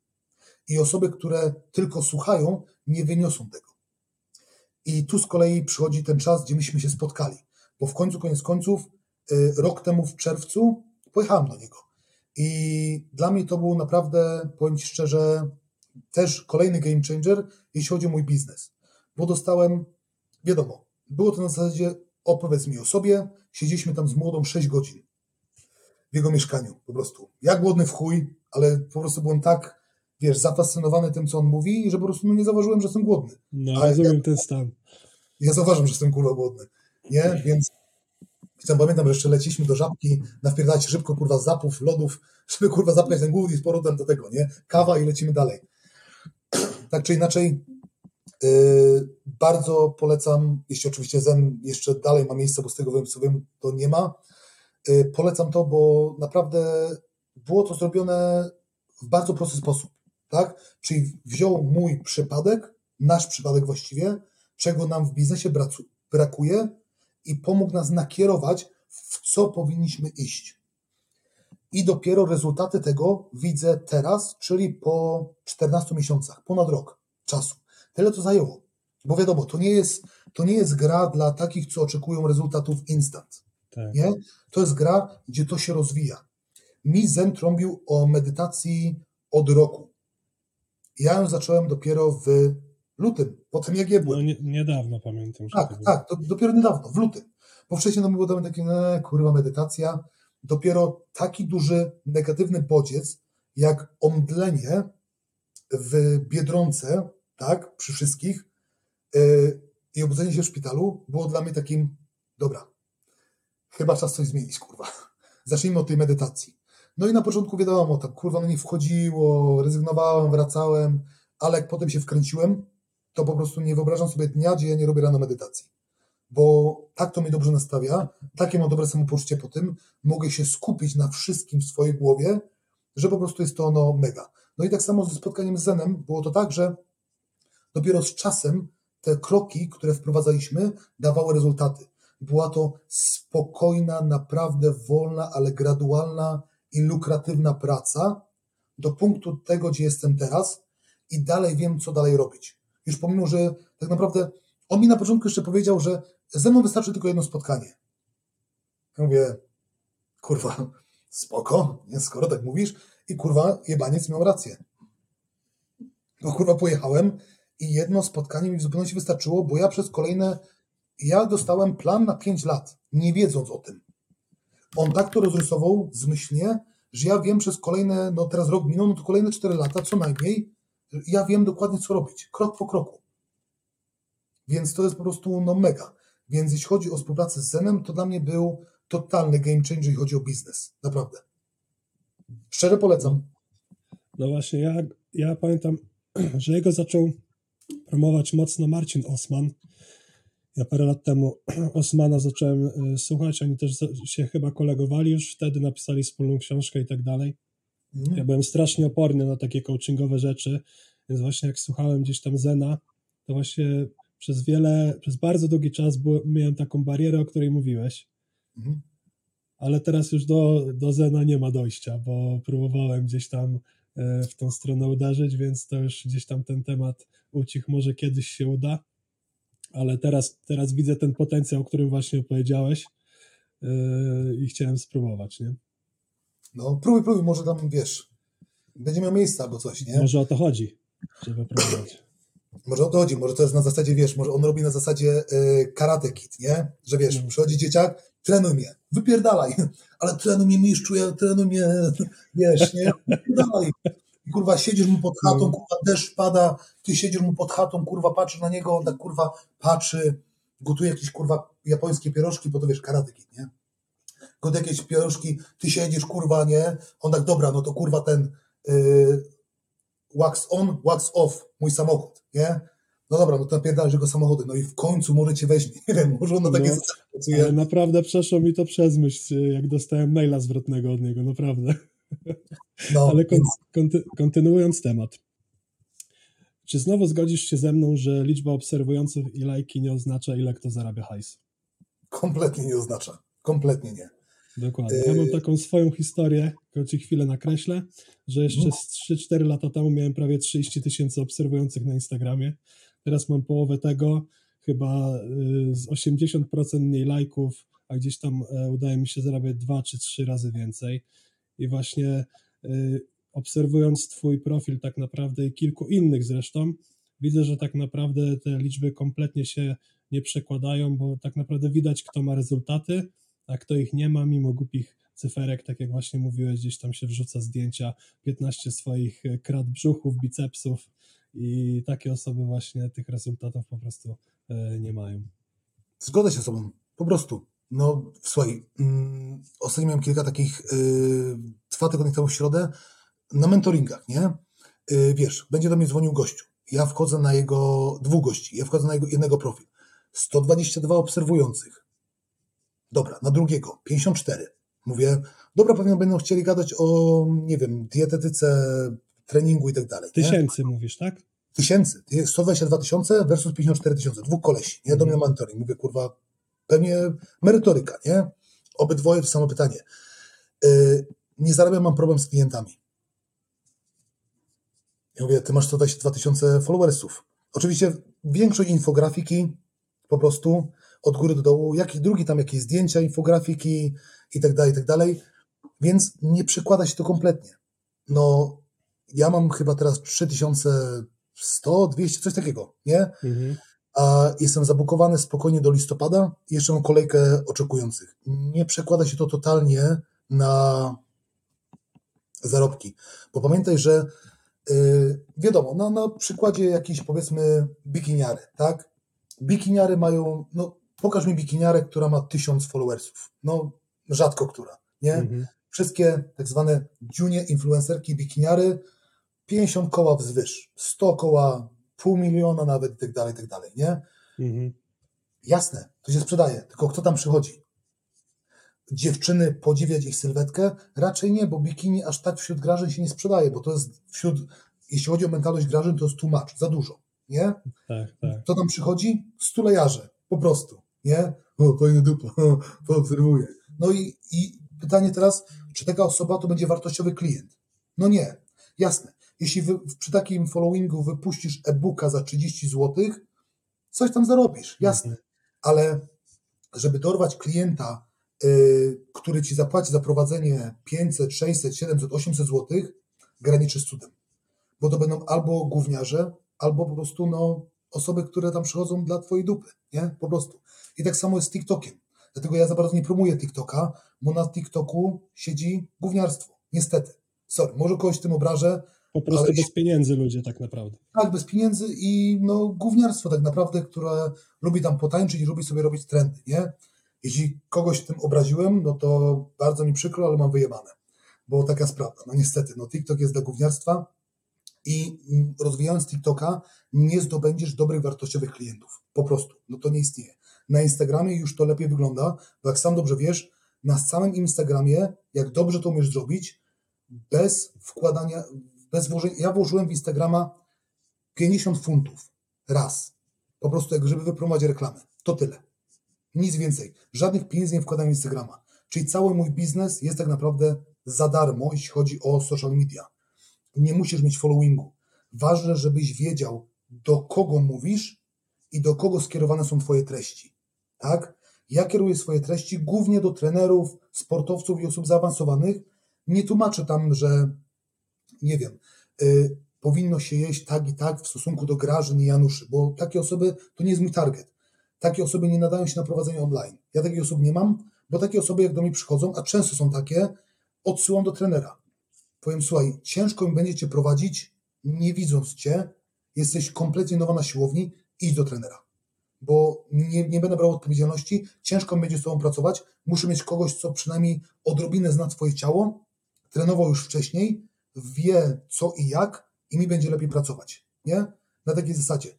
Więc pamiętaj, ty, co tego będziesz słuchał, tak, po drugiej stronie, whatever, y, że pamiętaj, do kogo mówisz, do kogo skierowane są twoje treści i jaki jest twój target. Jeśli twoim targetem są sportowcy, treści muszą być sportowe. Jeśli prowadzisz ludzi w MMA, jak na przykład Miodorze, przygotowania motorycznego, no to on daje conditioning dla fighterów, część pierwsza, druga, y, jak powinno wyglądać przygotowanie motoryczne, żeby nie udziwniać tego, bo też mamy kurwa oczywiście w przygotowaniu motorycznym kurwa już takie udziwnienia, że to jest po prostu kurwa masakra. Wiara kurwa na jednej sesji miesza kurwa siłę, wytrzymałość, moc, hipertrofię, jeszcze na końcu kurwa cztery ćwiczenia na rehab, bo to wygląda kolorowo na Instagram, ale po prostu nie oszukujmy się, przygotowanie motoryczne jest kurewsko nudne i bazowe, po prostu. Jest, jest to najnudniejszy rodzaj przy, y, rozpisywania treningów, z tego względu, że jest to po prostu dodatek do całego sportu. On ma być nudny i skuteczny. Kropka. Anyway, targetem jodożera są ludzie do przygotowania motorycznego pod sporty walki i pod tą daje materiały. Nie daje materiałów pod trójbój, pod dwubój, pod crossfit. Nie. Trenujesz, jesteś trenerem crossfitu, chcesz się rozwinąć online, wstawiasz rzeczy na temat crossfitu. I tyle. Czyli to nie chodzi o to, ile masz zebrać followersów, tylko masz trafić do tej specyficznej grupy, z którą ty chcesz e, pracować. Bo nawet jeśli dojdzie głupich 15 obserwujących, ale masz dobre treści, to od jednej do pięciu osób statystycznie, tak z tego co ja słucham na mentoringach, z opowieści innych trenerów, będzie Twoim potencjalnym klientem. Versus zdobędziesz 800 followersów, a hmm. tylko dwóch może być potencjalnych klientów. Albo nawet jeszcze mniej. Więc ja przyznaję rację, że ni chuja się to ma. Kompletnie. Dobra, troszkę też poruszyłeś temat tego, żeby docierać gdzieś tam swoimi treściami do grupy odbiorców, którą chcesz zainteresować. I takim moim następnym pytaniem miał być, czy według Ciebie taki początkujący trener, który jeszcze nie wie, jaką drogę obrać, powinien się wyspecjalizować, czy być troszkę od wszystkiego, a troszkę do niczego? Co jest lepsze? Y, a mówimy tu o trenerze stacjonarnym czy online? Mówię online i to dietetyk, trener, jak to, jak to zwał, tak zwał. Gdzieś tam ta grupa zajmująca się usługami online z ludźmi, nie? Y, jeśli chodzi o trenerów, y, czy też dietetyków, ja im doradzam zawsze, żeby mimo wszystko swoje przepracowali na siłowni. Bo dużo osób się pcha. Y, miałem taki mentoring, szczerze powiedziawszy, troszeczkę nieudany i też nie wziąłem za niego pieniędzy prostu, bo no, nie, nie byłem w stanie pomóc tej osoby. Ta osoba się upierała na to, że chce zacząć jako trener online. Po prostu, zacząć. Moje pierwsze pytanie, dobra, ile pracujesz już na gymflorze, ile jesteś już na siłowni? Nigdy nie pracowałem na siłowni. Ja mówię, no stary, no to jak sobie to, to wyobrażasz? No, no nie wiem, no dzwonię tu, żebyś mi pomógł z tym. Ja mówię, mo, moją poradą jest taką, że idź na siłownię, przepracuj co najmniej solidnie dwa lata, minimum dwa lata. I wtedy myśl o online. Wtedy w tym czasie zobaczysz, w czym się odnajdujesz, w czym jesteś dobry, co cię jara trójbój, dwubój, kulturystyka, crossfit, przygotowanie motoryczne, strongman, rehab, rehab. Zobaczysz, w czym się odnajdujesz i potem możesz już wybrać specjalizację i przenieść się online, już mając bazę, bo nie mając kontaktu, nie dotykając, nie sprawdzając, nie mając takiego one-to-one, jeden do jednego z klientem, ciężko ci będzie przejść na online, naprawdę ciężko, bo klient ci napisze w raporcie, ej, przy tym ćwiczeniu mnie bark boli, a ty, co może być przyczyną? Czy to jest zły chwyt? Czy to jest zbyt duży zakres ruchu na ten moment? Czy to jest za duży ciężar? Czy to jest za duża objętość? Kompletnie... Nawet jak filmik wyśle, to i tak nie będzie tego widział. Tak, on nie będzie tego widział po prostu, bo widzi tą osobę pierwszy raz. Czy to jest dobrze? Nie wiem. Może dla tej osoby to jest dobrze. Może zawsze tak wyciskała. Może to jest coś nowego. Może potrzebuje więcej czasu na adaptację. I osoba się będzie motała. Więc moim zdaniem na początku trener powinien przepracować swój czas na siłowni. Dopiero powiedzmy po dwóch latach na siłowni można zacząć myśleć o online. Nie ma czegoś takiego jak od zera zaczynam online. To jest chuj. Musi przepracować swoje, zdobyć doświadczenie i wtedy przejść na online. Czy wybierać wtedy specjalizację? Raczej nie. Raczej bym mimo wszystko brał wszystkich i po prostu sprawdzał też, w czym się czuje dobrze. Bo jak dobrze wiesz, między pracą offline a online to jest przepaść. Mhm. Tu nie ma co porównywać, bo wiara często na Q&A tobie pewnie też zadaje ci pytanie, co jest lepsze. Nie ma czegoś takiego, co jest lepsze. To jest kompletnie inny świat, kompletnie inne podejście do klienta. Tu go widzisz, tu masz tak zwany bodziec realia, tak? czyli widzisz tą osobę, możesz dotknąć, widzisz ją w 3D, możesz przejść z lewej, z prawej, dotknąć, poruszać, ustawić, yy, dać wskazówkę w trakcie ćwiczenia. Nie? Z kolei online nie widzisz tej osoby. Osoba ci idzie na trening, potem przychodzi i zdaje ci relację już hmm. po fakcie. Jak się skontuzjowała, to jest wina twojego planu lub osoba coś zrobiła no poza planem albo powiedzmy za dużo dociążyła i tak dalej, i tak dalej, nie? Są zupełnie dwie różne kwestie, więc porównywanie tego no nie ma kompletnie sensu, nie? Mhm. No i pełna zgoda tak naprawdę. E, na początku powiedziałeś, że pandemia cię troszeczkę zmusiła do przejścia e, na współpracę online i kombinowanie po prostu e, powiedzmy troszkę od nowa w innej formule. I zastanawiam się teraz z perspektywy czasu, jak już poświęciłeś tyle lat na treningi personalne, czy przed, czy powinieneś według Ciebie przejść szybciej na online? Zrobiłbyś to szybciej? Yy, wiesz co, nie. Potrzebowałem takiego dużego bodźca, nie? Bo to nie było tyle, że mnie ta pandemia zmusiła, bo tak naprawdę no, kiedyś by się tam skończyła, nie? Ale mhm. stwierdziłem, że to jest najlepszy moment, żeby zrobić tą tak zwaną transition, nie? To przejście do online. Z tego względu, że po prostu nie było klientów, siłą nie było zamknięte i, to było, i było dużo wolnego czasu. A żeby rozkręcić biznes, musisz mieć często nakłady finansowe, ale nie zawsze jakoś tam o, oszczędności, ale też z drugiej strony musisz mieć czas, bo czas jest dużo bardziej warty niż pieniądze moim zdaniem. Pieniądze zawsze przyjdą. Jak jesteś dobrze ogarnięty, to kasę zrobisz na wszystkim, tak naprawdę. Pieniądze mhm. przychodzą, odchodzą. Ja byłem już w życiu biedny i trochę mniej biedny. E, I nie zrobiło to na moim życiu tak naprawdę różnicy, bo ja potrafię się dostosować i pieniądze nie są dla mnie aż tak ważne, ale ważne jest to, co pieniądze mogą dać, czyli czas wolny. Czas wolny i robienie tego, co się chce, kiedy się chce i jak się chce. I to było głównym prowodorem, dlaczego ja chciałem przejść online. Na początku w ogóle taki paradoks, myślałem, że będę miał więcej czasu. Że wiesz, parę sobie planów napiszę i będę siedział. Kurwa mać. Dobrze wiem, jak to wygląda online. No. To po prostu mi przez pracę online się rozwinął pracoholizm. I to taki solidny. Że ja po prostu siedziałem non-stop dzień w dzień yy, nad planami. I teraz, to dopiero teraz zaczynam gdzieś tam mieć okazjonalny dzień wolny cały, typu no nie, nie siedzę na Instagramie, gdzieś tam wrzucę parę rzeczy, ale nie pracuję po prostu. Mm. I sprawia mi to ogromną, młoda się tutaj śmieje, bo sprawia mi to szczerze ogromną jakby problem. Ciężko mi się tak wyłączyć, bo cały czas jest bodźcowany, nie? Raporty, mentoringi, sprzedaż w sklepie, pisanie planów, prowadzenie, Y, praca i to wszystko to jest praca w biznesie, masz jeszcze pracę nad biznesem, mhm. czyli po prostu pracę nad Instagramem, promowaniem się i tak dalej i to jest praca 24 na 7. Więc jeśli ktoś tego słucha i myśli o przejściu online, bo myśli sobie, że usiądzie sobie z pizdą na kanapie i będzie się opierdalał, no to niestety, ale tak to nie będzie, nie? Będzie to cały czas zapierdalanie yy, i to jest w tym fajne, bo musisz to kochać. Bo jak tego nie kochasz, to daje ci pół roku i się wypalisz. Musisz to naprawdę, naprawdę, mówię tu kochać, mówię tu nawet o obsesji. Bo bez obsesji będziesz się w takiej robocie męczył. Bo to jest praca na okrągło z 40 ilomaś tam nawet więcej, czasami niektórzy mają osobami non-stop, doglądanie ich, pamiętanie o każdym jednym kliencie non-stop. Co on miał tutaj, ok, dobra, tu mam raporty, jest cały czas, ty jesteś koordynatorem innych ludzi i jak dobrze wiesz, to mało kiedy jest tylko trening. To jest żarcie, sen, nawodnienie i zobacz, ile masz klientów, co przychodzą do ciebie z problemami mentalnymi. Trochę psycholog, nie? Trochę psycholog, a nawet bardzo psycholog. Więc to jest praca połączona trenera, dietetyka, psychologa, nie wiem, y, life coacha, może tak to powiedzieć, chujowo to brzmi, no. ale coś, coś, na ten, coś w ten deseń. I jest to praca ogólnie ciężka i nie masz czasu na wiele rzeczy tak naprawdę.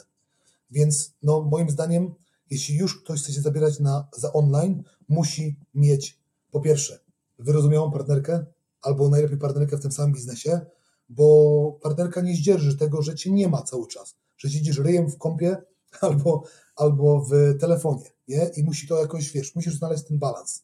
I musisz mieć obsesję. To jest najważniejsze. Bo bez obsesji tak naprawdę pasja, obsesja, pasja to już takie słowo, wiesz, pasję można mieć do piłki nożnej, whatever. Mhm. To musi być obsesja. Musisz chcieć to robić, musisz to kochać. To, że ktoś ci pisze, że wziął kurwa głupie 5 kilo więcej na y, martwym ciągu, powinno sprawiać, że staje ci pała. Serio. Bo jeśli, jeśli ktoś ci pisze, że schód 5 kg, albo zajebiście się cieszy na twoim treningu, albo ten trening to jest po prostu bajka, się tak cieszy, musi ci starczyć pała od tego. Bo jak ci od tego nie starczy pała, to to nie jest biznes dla ciebie. To musi cię jarać, każdy rezultat. Bo to nie chodzi w ogóle kurwa o kasę tutaj. Oczywiście na, na social mediach tak to wygląda. To jest promowanie kasy, no bo to jest kurwa biznes, nie oszukujmy się. Ale wewnątrz, w środku muszą cię jarać rezultaty. Musisz się z tego cieszyć. Bo ja osobiście bardziej cenię sobie oprócz kasy czas wolny, ale też ten prestiż. To, że jakąś pomogłem. To, że ta osoba dzięki mnie jest szczęśliwsza. I to mi daje radochę. Bo ta osoba jest szczęśliwa, płaci za to. Ja wiem, że ten zarobek, który ja otrzymuję od tej osoby, mhm. jest jakby uzasadniony. Nie dostaję siana za darmo, za kopiuj wklej, do odpierdol, nie. Dostaję za efekt. Nie ma tego efektu, nie chcę kasy. Po prostu. Bo to musi, wiesz, bo koniec końców liczy się też twoja reputacja. Jak będziesz miał dobrą reputację, to nawet nie musisz się promować na social mediach. Ludzie sami to za ciebie robią, bo po prostu zaczną cię oznaczać, kurwa, od góry do dołu. Ale zajebiste szkolenie, ale zajebisty materiał, ale zajebisty mentoring, ale zajebiście mnie poprowadziłeś. I samo to się kręci jako tak zwana poczta pantoflowa. Po prostu. Word of mouth.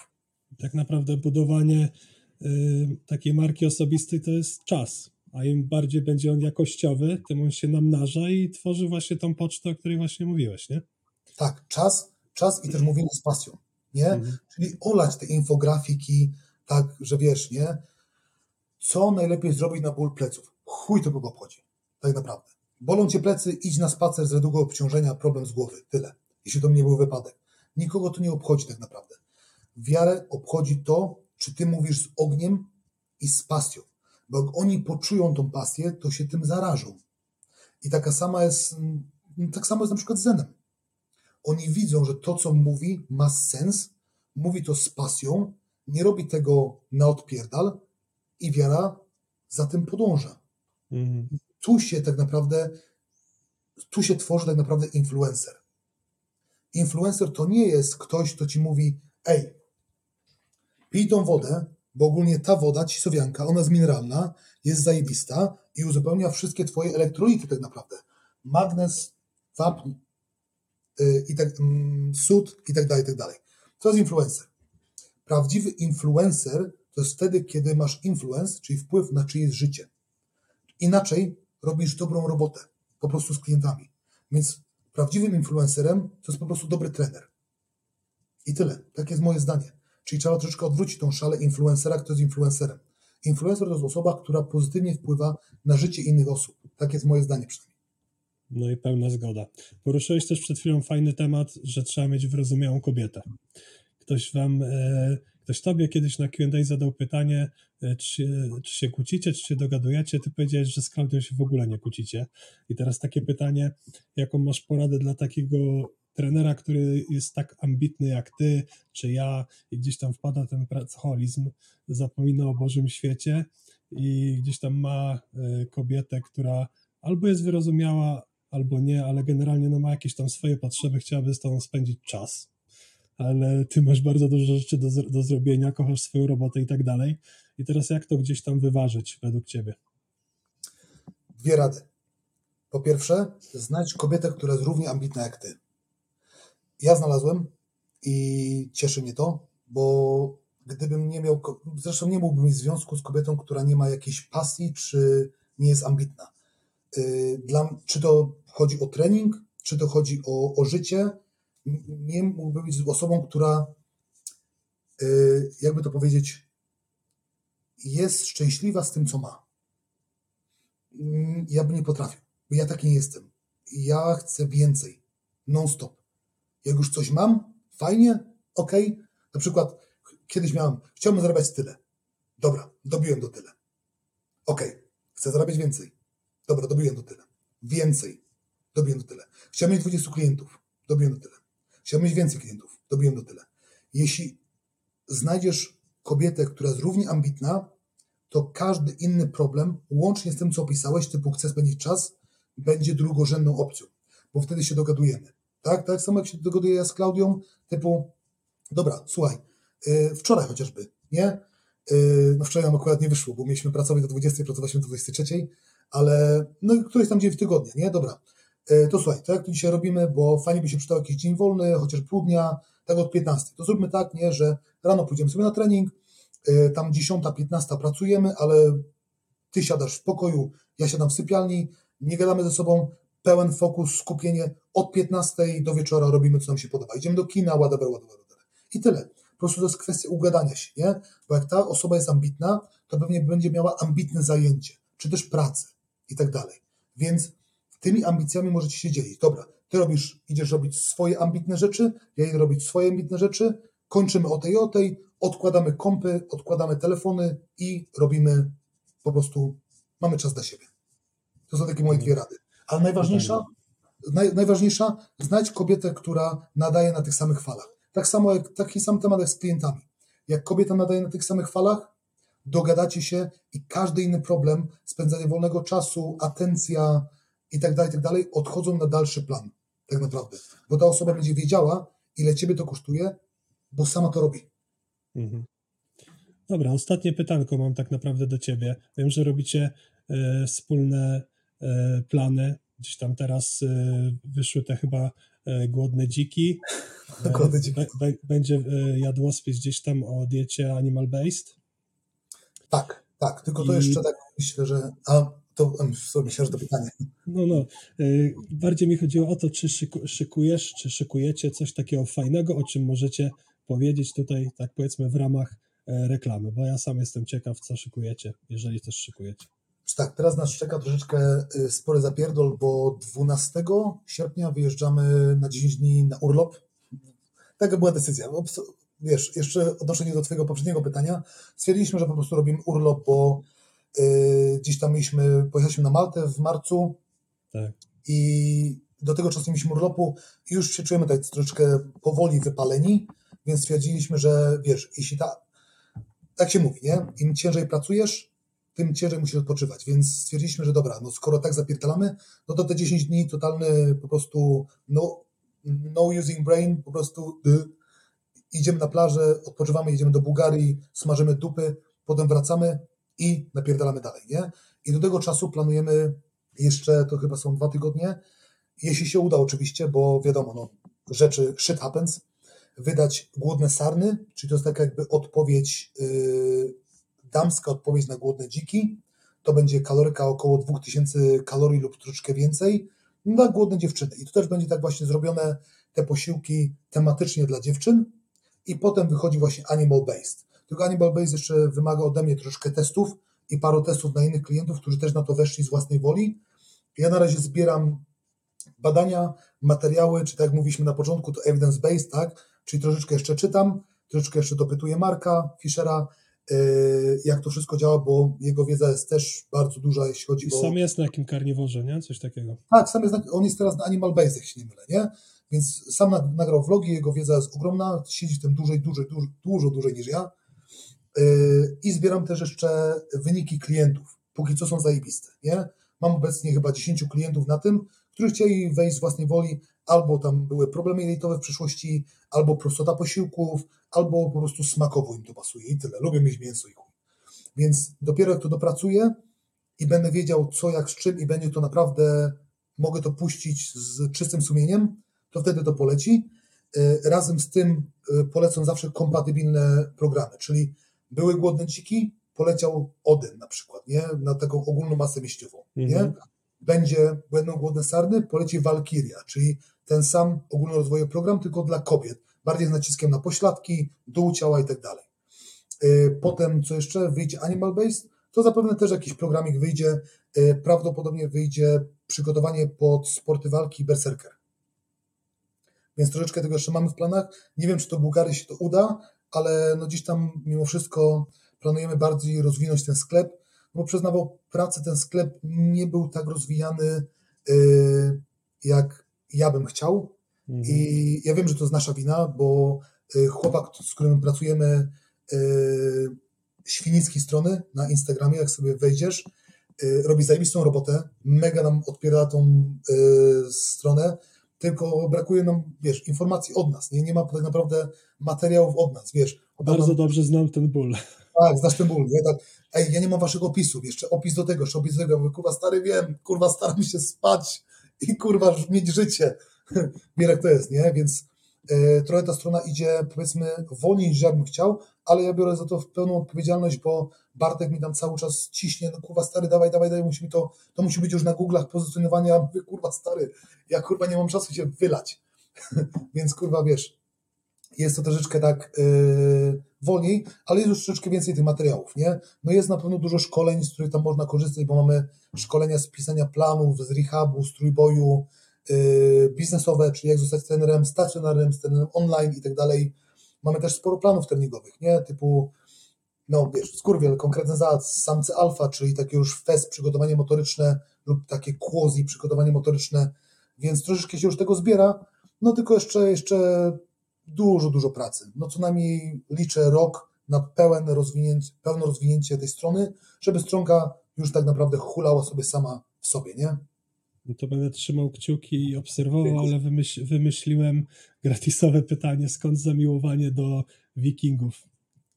U was. Oj, wiesz co? Yy, mi kiedyś tata kupił yy, Edę Poetycką i zacząłem tak sobie czytać, na zmianę z Wiedźminem, bo gdzieś tam ja zawsze byłem geekiem i gdzieś tam te właśnie mm, grałem sobie w RPG, Baldur's Gate, Icewind Dale, yy, wszystkie Witchery obleciałem. Yy, w ogóle wychowałem się na książkach Witchera i polskiej fantastyce, nie? czyli Pan Lodowego Ogrodu, Grzędowicz, yy, Tom Pratchett jeszcze tam wpił, ale głównie tam Sapkowski i dzieła Sapkowskiego, głównie saga o Wiedźminie i gdzieś tam ta Eda poetycka też tam się przewalała, nie? I gdzieś tam mnie to zainteresowało. Nordycy bogowie i tak dalej, zacząłem się bardziej wgłębiać, zaczęło się to tradycyjnie od Wikipedii, w chuj mnie to interesowało, w chuj mnie interesowało ludy nordyckie ze względu na ich podejście, nie? Później oczywiście w późniejszych czasach doszedł sławny serial Wikingowie, którego już oglądałem, obecnie go lecę dziesiąty raz. Po prostu on u- mnie leci na lupie, nie? Skończy sezon, zaczynam od nowa, po prostu on mi się nigdy nie nudzi, po prostu. Yy, gdzieś tam dalsze mm, czytanie się zaczęły. Jakoś tak słowiańska kultura mnie nie interesowała za bardzo nigdy. Podstawy tam ogarnąłem, ale nordycka mimo wszystko tak. Chodzi bardziej o generalny, generalny mental i podejście do życia, czyli generalnie kult siły. Każdy wiking był ambitny. Jak spojrzymy na wikingów, tak naprawdę to jako pierwsi odkryli bardzo dużo świata, tylko było to nieoficjalne, tak? Jako, są przesłanki, że jako pierwsi dopłynęli do Ameryki, jako pierwsi odkryli mm, tak zwany Mediterranean Sea, czyli y, byli tak naprawdę u Arabów, czyli gdzieś tam Włochy, Rzym, Konstantynopol i tak dalej, czyli byli tak naprawdę w wielu, wielu miejscach, odkryli Islandię, Grenlandię i tak dalej, więc ich ambicja po prostu przerastała nad, nader wszystko, tak? Mieli fajne podziały, podziały typu jarlowie, królowie i tak dalej i Mhm. każdy chciał się pchać wyżej. Yy, Było to zrobione dobrze. Oczywiście już nie mówię o samej dewizie, jak już zginąć, to w walce, bo to jest totalny badass, tak? Żeby się dostać do Valhalla, czyli odpowiednik naszego nieba, tak? Mm. Y, musiałeś umrzeć w walce, wtedy Odyn zsyłał Walkirię, tak, żeby ci zabrały twoje, twoją duszę do Walhali. Y, Tam było bodajże 500 chyba, już nie pamiętam, 526 y, drzwi i tam ogólnie jadłeś cały dzień, piłeś, a na wieczór się napierdalałeś i umierałeś i cały dzień nie robiłeś to od nowa. Nie? Taka kurwa, czyli nasza nasze polskie wesele, po prostu, jednym słowem. Skit. Nie? I przygotował się do, i przygotował się do Ragnaroku, czyli końca świata, gdzie wilk Fenrir połknął słońce, Odyn się z nim napierdalał, yy, wąż Jormungand- Jormungander wyszedł tam i napierdalał się z Torem, Thor go zabił, ale ten umarł od yy, jego trucizny i tak dalej, tak dalej. No, więc ogólnie po prostu ich cała mitologia, ich bogowie ogólnie, w których ja może nie do końca wierzę, jako wierzę, że nie wierzę, że się dostanę do Walhali czy coś, ale gdzieś tam mimo wszystko bliżej mi do ideologii tych bóstw, niż jest mi to do, powiedzmy, chrześcijaństwa. Mhm. Bo chrześcijaństwo do mnie nie podchodzi. Nie podchodzi mi y, dewiza wystawiania drugiego policzka, jak ktoś mnie spoliczkuje. Y, nie, nie bardzo. To nie jest Nie wiem o co chodzi. nie? Y, Jest to religia troszeczkę taka, no nie będę się wypowiadał religijnie, ale po prostu zostańmy przy tym kulcie nordyckim.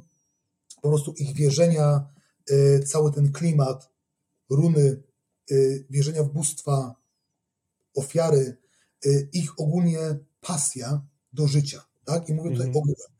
Oni wiedzieli dokładnie, gdzie pójdą, jak umrą, tak? Że zginą w walce, wiedzieli dokładnie, czego chcą. Tam od dzieciaka wiedziałeś, że musisz umrzeć w walce. Nikt nie chciał umrzeć jako stary. Tam było życie na pełnej kurwie.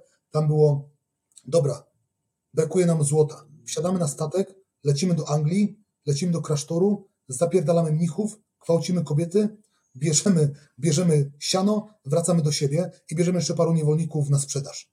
I tak wyglądało ich życie. Oni się nie pierdolili w tańcu, tak? Oni nie, nie patrzyli, wiadomo, mówimy tutaj o roku 700 do tam 1100, nie? No to Mhm. wiadomo, tam się gwałciło kobiety i zabijało dzieci. No po prostu, no shit happens, tak? Żyjemy w takich czasach. Dzisiaj to by było niedopuszczalne oczywiście, ale po prostu ich życie wyglądało tak, że byli ambitni, mieli kult siły, mieli dużo ognia i pasji, wie, wiedzieli w co wierzyć, brali co ich, tak? Nie pytali nikogo o zdanie, tak? Płynęli, rabowali i tyle. A czasami nawet po prostu płynęli, rozbijali obóz w pobliżu, powiedzmy, jakiegoś małego królewstewka w Anglii i kurwa se czekali na oku. I przychodził król, dobra, zabijacie mi tutaj wieśniaków, co chcecie? Chcemy, nie wiem, y, 10 albo kilogram y, złota od ciebie, to popłyniemy. Dobra, król przynosił, oni płynęli. Za dwa miesiące przy, przy, przyjeżdżali, robili to samo, nie? Więc po prostu są to wikingowie, czyli po prostu no, wojownicy, którzy no, me, mają mega podejście do życia i mega mi się to podoba osobiście. I ja staram się też układać życie jakby troszeczkę pod tą ideologię. Może minus gwałcenie, zabijanie kobiet i dzieci, tak? No to jakby wiesz, nie? Troszeczkę z boku, ale ogólnie podejście do życia, ambicja, kult siły i pasja. To u nich tak naprawdę mnie urzekło i dlatego jest taka fascynacja tym po prostu. A grałeś w Assassin's Creed? Wszystkie części. No bo te wikingowie też wyszli, nie? W Valhalla nie grałem, właśnie chciałem mówić. No właśnie, Valhalla, a, a tam potem chyba był właśnie dodatek Ragnarok, więc jak o tym wszystkim mi powiedziałeś, to mówię, kurde, rzeczywiście bez kitu ta historia się pogrywała i to wszystko można było przeżyć tym Eivorem takim, tym głównym bohaterem. Tak, tak, tak. Znaczy, y, ja cały Assassin's Creed Valhalla przeglądałem na YouTubie, bo niestety mój kochany laptop nie udźwignął tego, bo ściągnąłem i były próbę. Y, Odyseję udźwignął, y, Origins udźwignął, czyli poprzednie części i każdą poprzednią Black Flag, trójkę, wszystkie udźwignął. Niestety na Valhalla mój lapek odpadł, a Playa nie kupię, bo dla mnie to był strzał w stopę, bo no, nie mogę sobie na to pozwolić ale oglądałem całą i ten Ragnarok też jest fajny, bo jest już typowo wcielasz się tam chyba właśnie w Odyna, czy tam jego Tak, personifikację było. Mhm. i y, chyba y, mścisz się na Surturze, czyli na mm, jakby Surtur ogólnie wywoła Ragnarok, nie? Y, I Surtur był y, gigantem chyba, jak dobrze mówię, ognia i zabił Baldura, czyli syna Odyna, nie? który teoretycznie był nieśmiertelny. Yy, No, no i na tej zasadzie chyba jest ten Ragnarok, bo z tego co tam widziałem, to jest całkiem, całkiem spoko. Troszeczkę już szczerze, te Assassin's Creed odbiegają od tej, tego swojego No, zamysłu. I szkoda, i szkoda. Szkoda, szkoda, bo już się bardziej robi taki typowy RPG, po prostu, bo wiesz, wiara tam jedzie, to już nie jest Assassin's Creed, jest, tylko po prostu zmieni się żon, tak? Po prostu jest to bardziej jako gierka i stało się tak od Assassin's Creed Black Flag. Moja Mhm. ulubiona część, tylko to nie jest już Assassin's Creed, tylko to jest gra o Tak. piratach. No. I tak samo Valhalla to już nie jest Assassin's Creed, to jest gra o wikingach. I to ma swoje plusy. Assassin's Creed się kończy na trójce, ewentualnie Revelations może i tyle. Ale dalej to są zajebiste gry i warto w nie grać, bo są mega, naprawdę. I dużo uczą historii. No i super, tak fajnie zakończymy naszą rozmowę. Dziękuję Ci za przyjęcie e, zaproszenia. Myślę, że mega dużo wartości i wiedzy popłynęło z tego, bo tak trochę weszliśmy w tematy Twoich mentoringów. Mi też się zdarza je prowadzić i na pewno dużo osób, które to e, słucha, wyniesie z tego bardzo dużo, także Ci bardzo dziękuję. Też mam nadzieję, też dziękuję za zaproszenie. Mam nadzieję, że się podobało tym, co oglądają lub będą oglądać i tyle.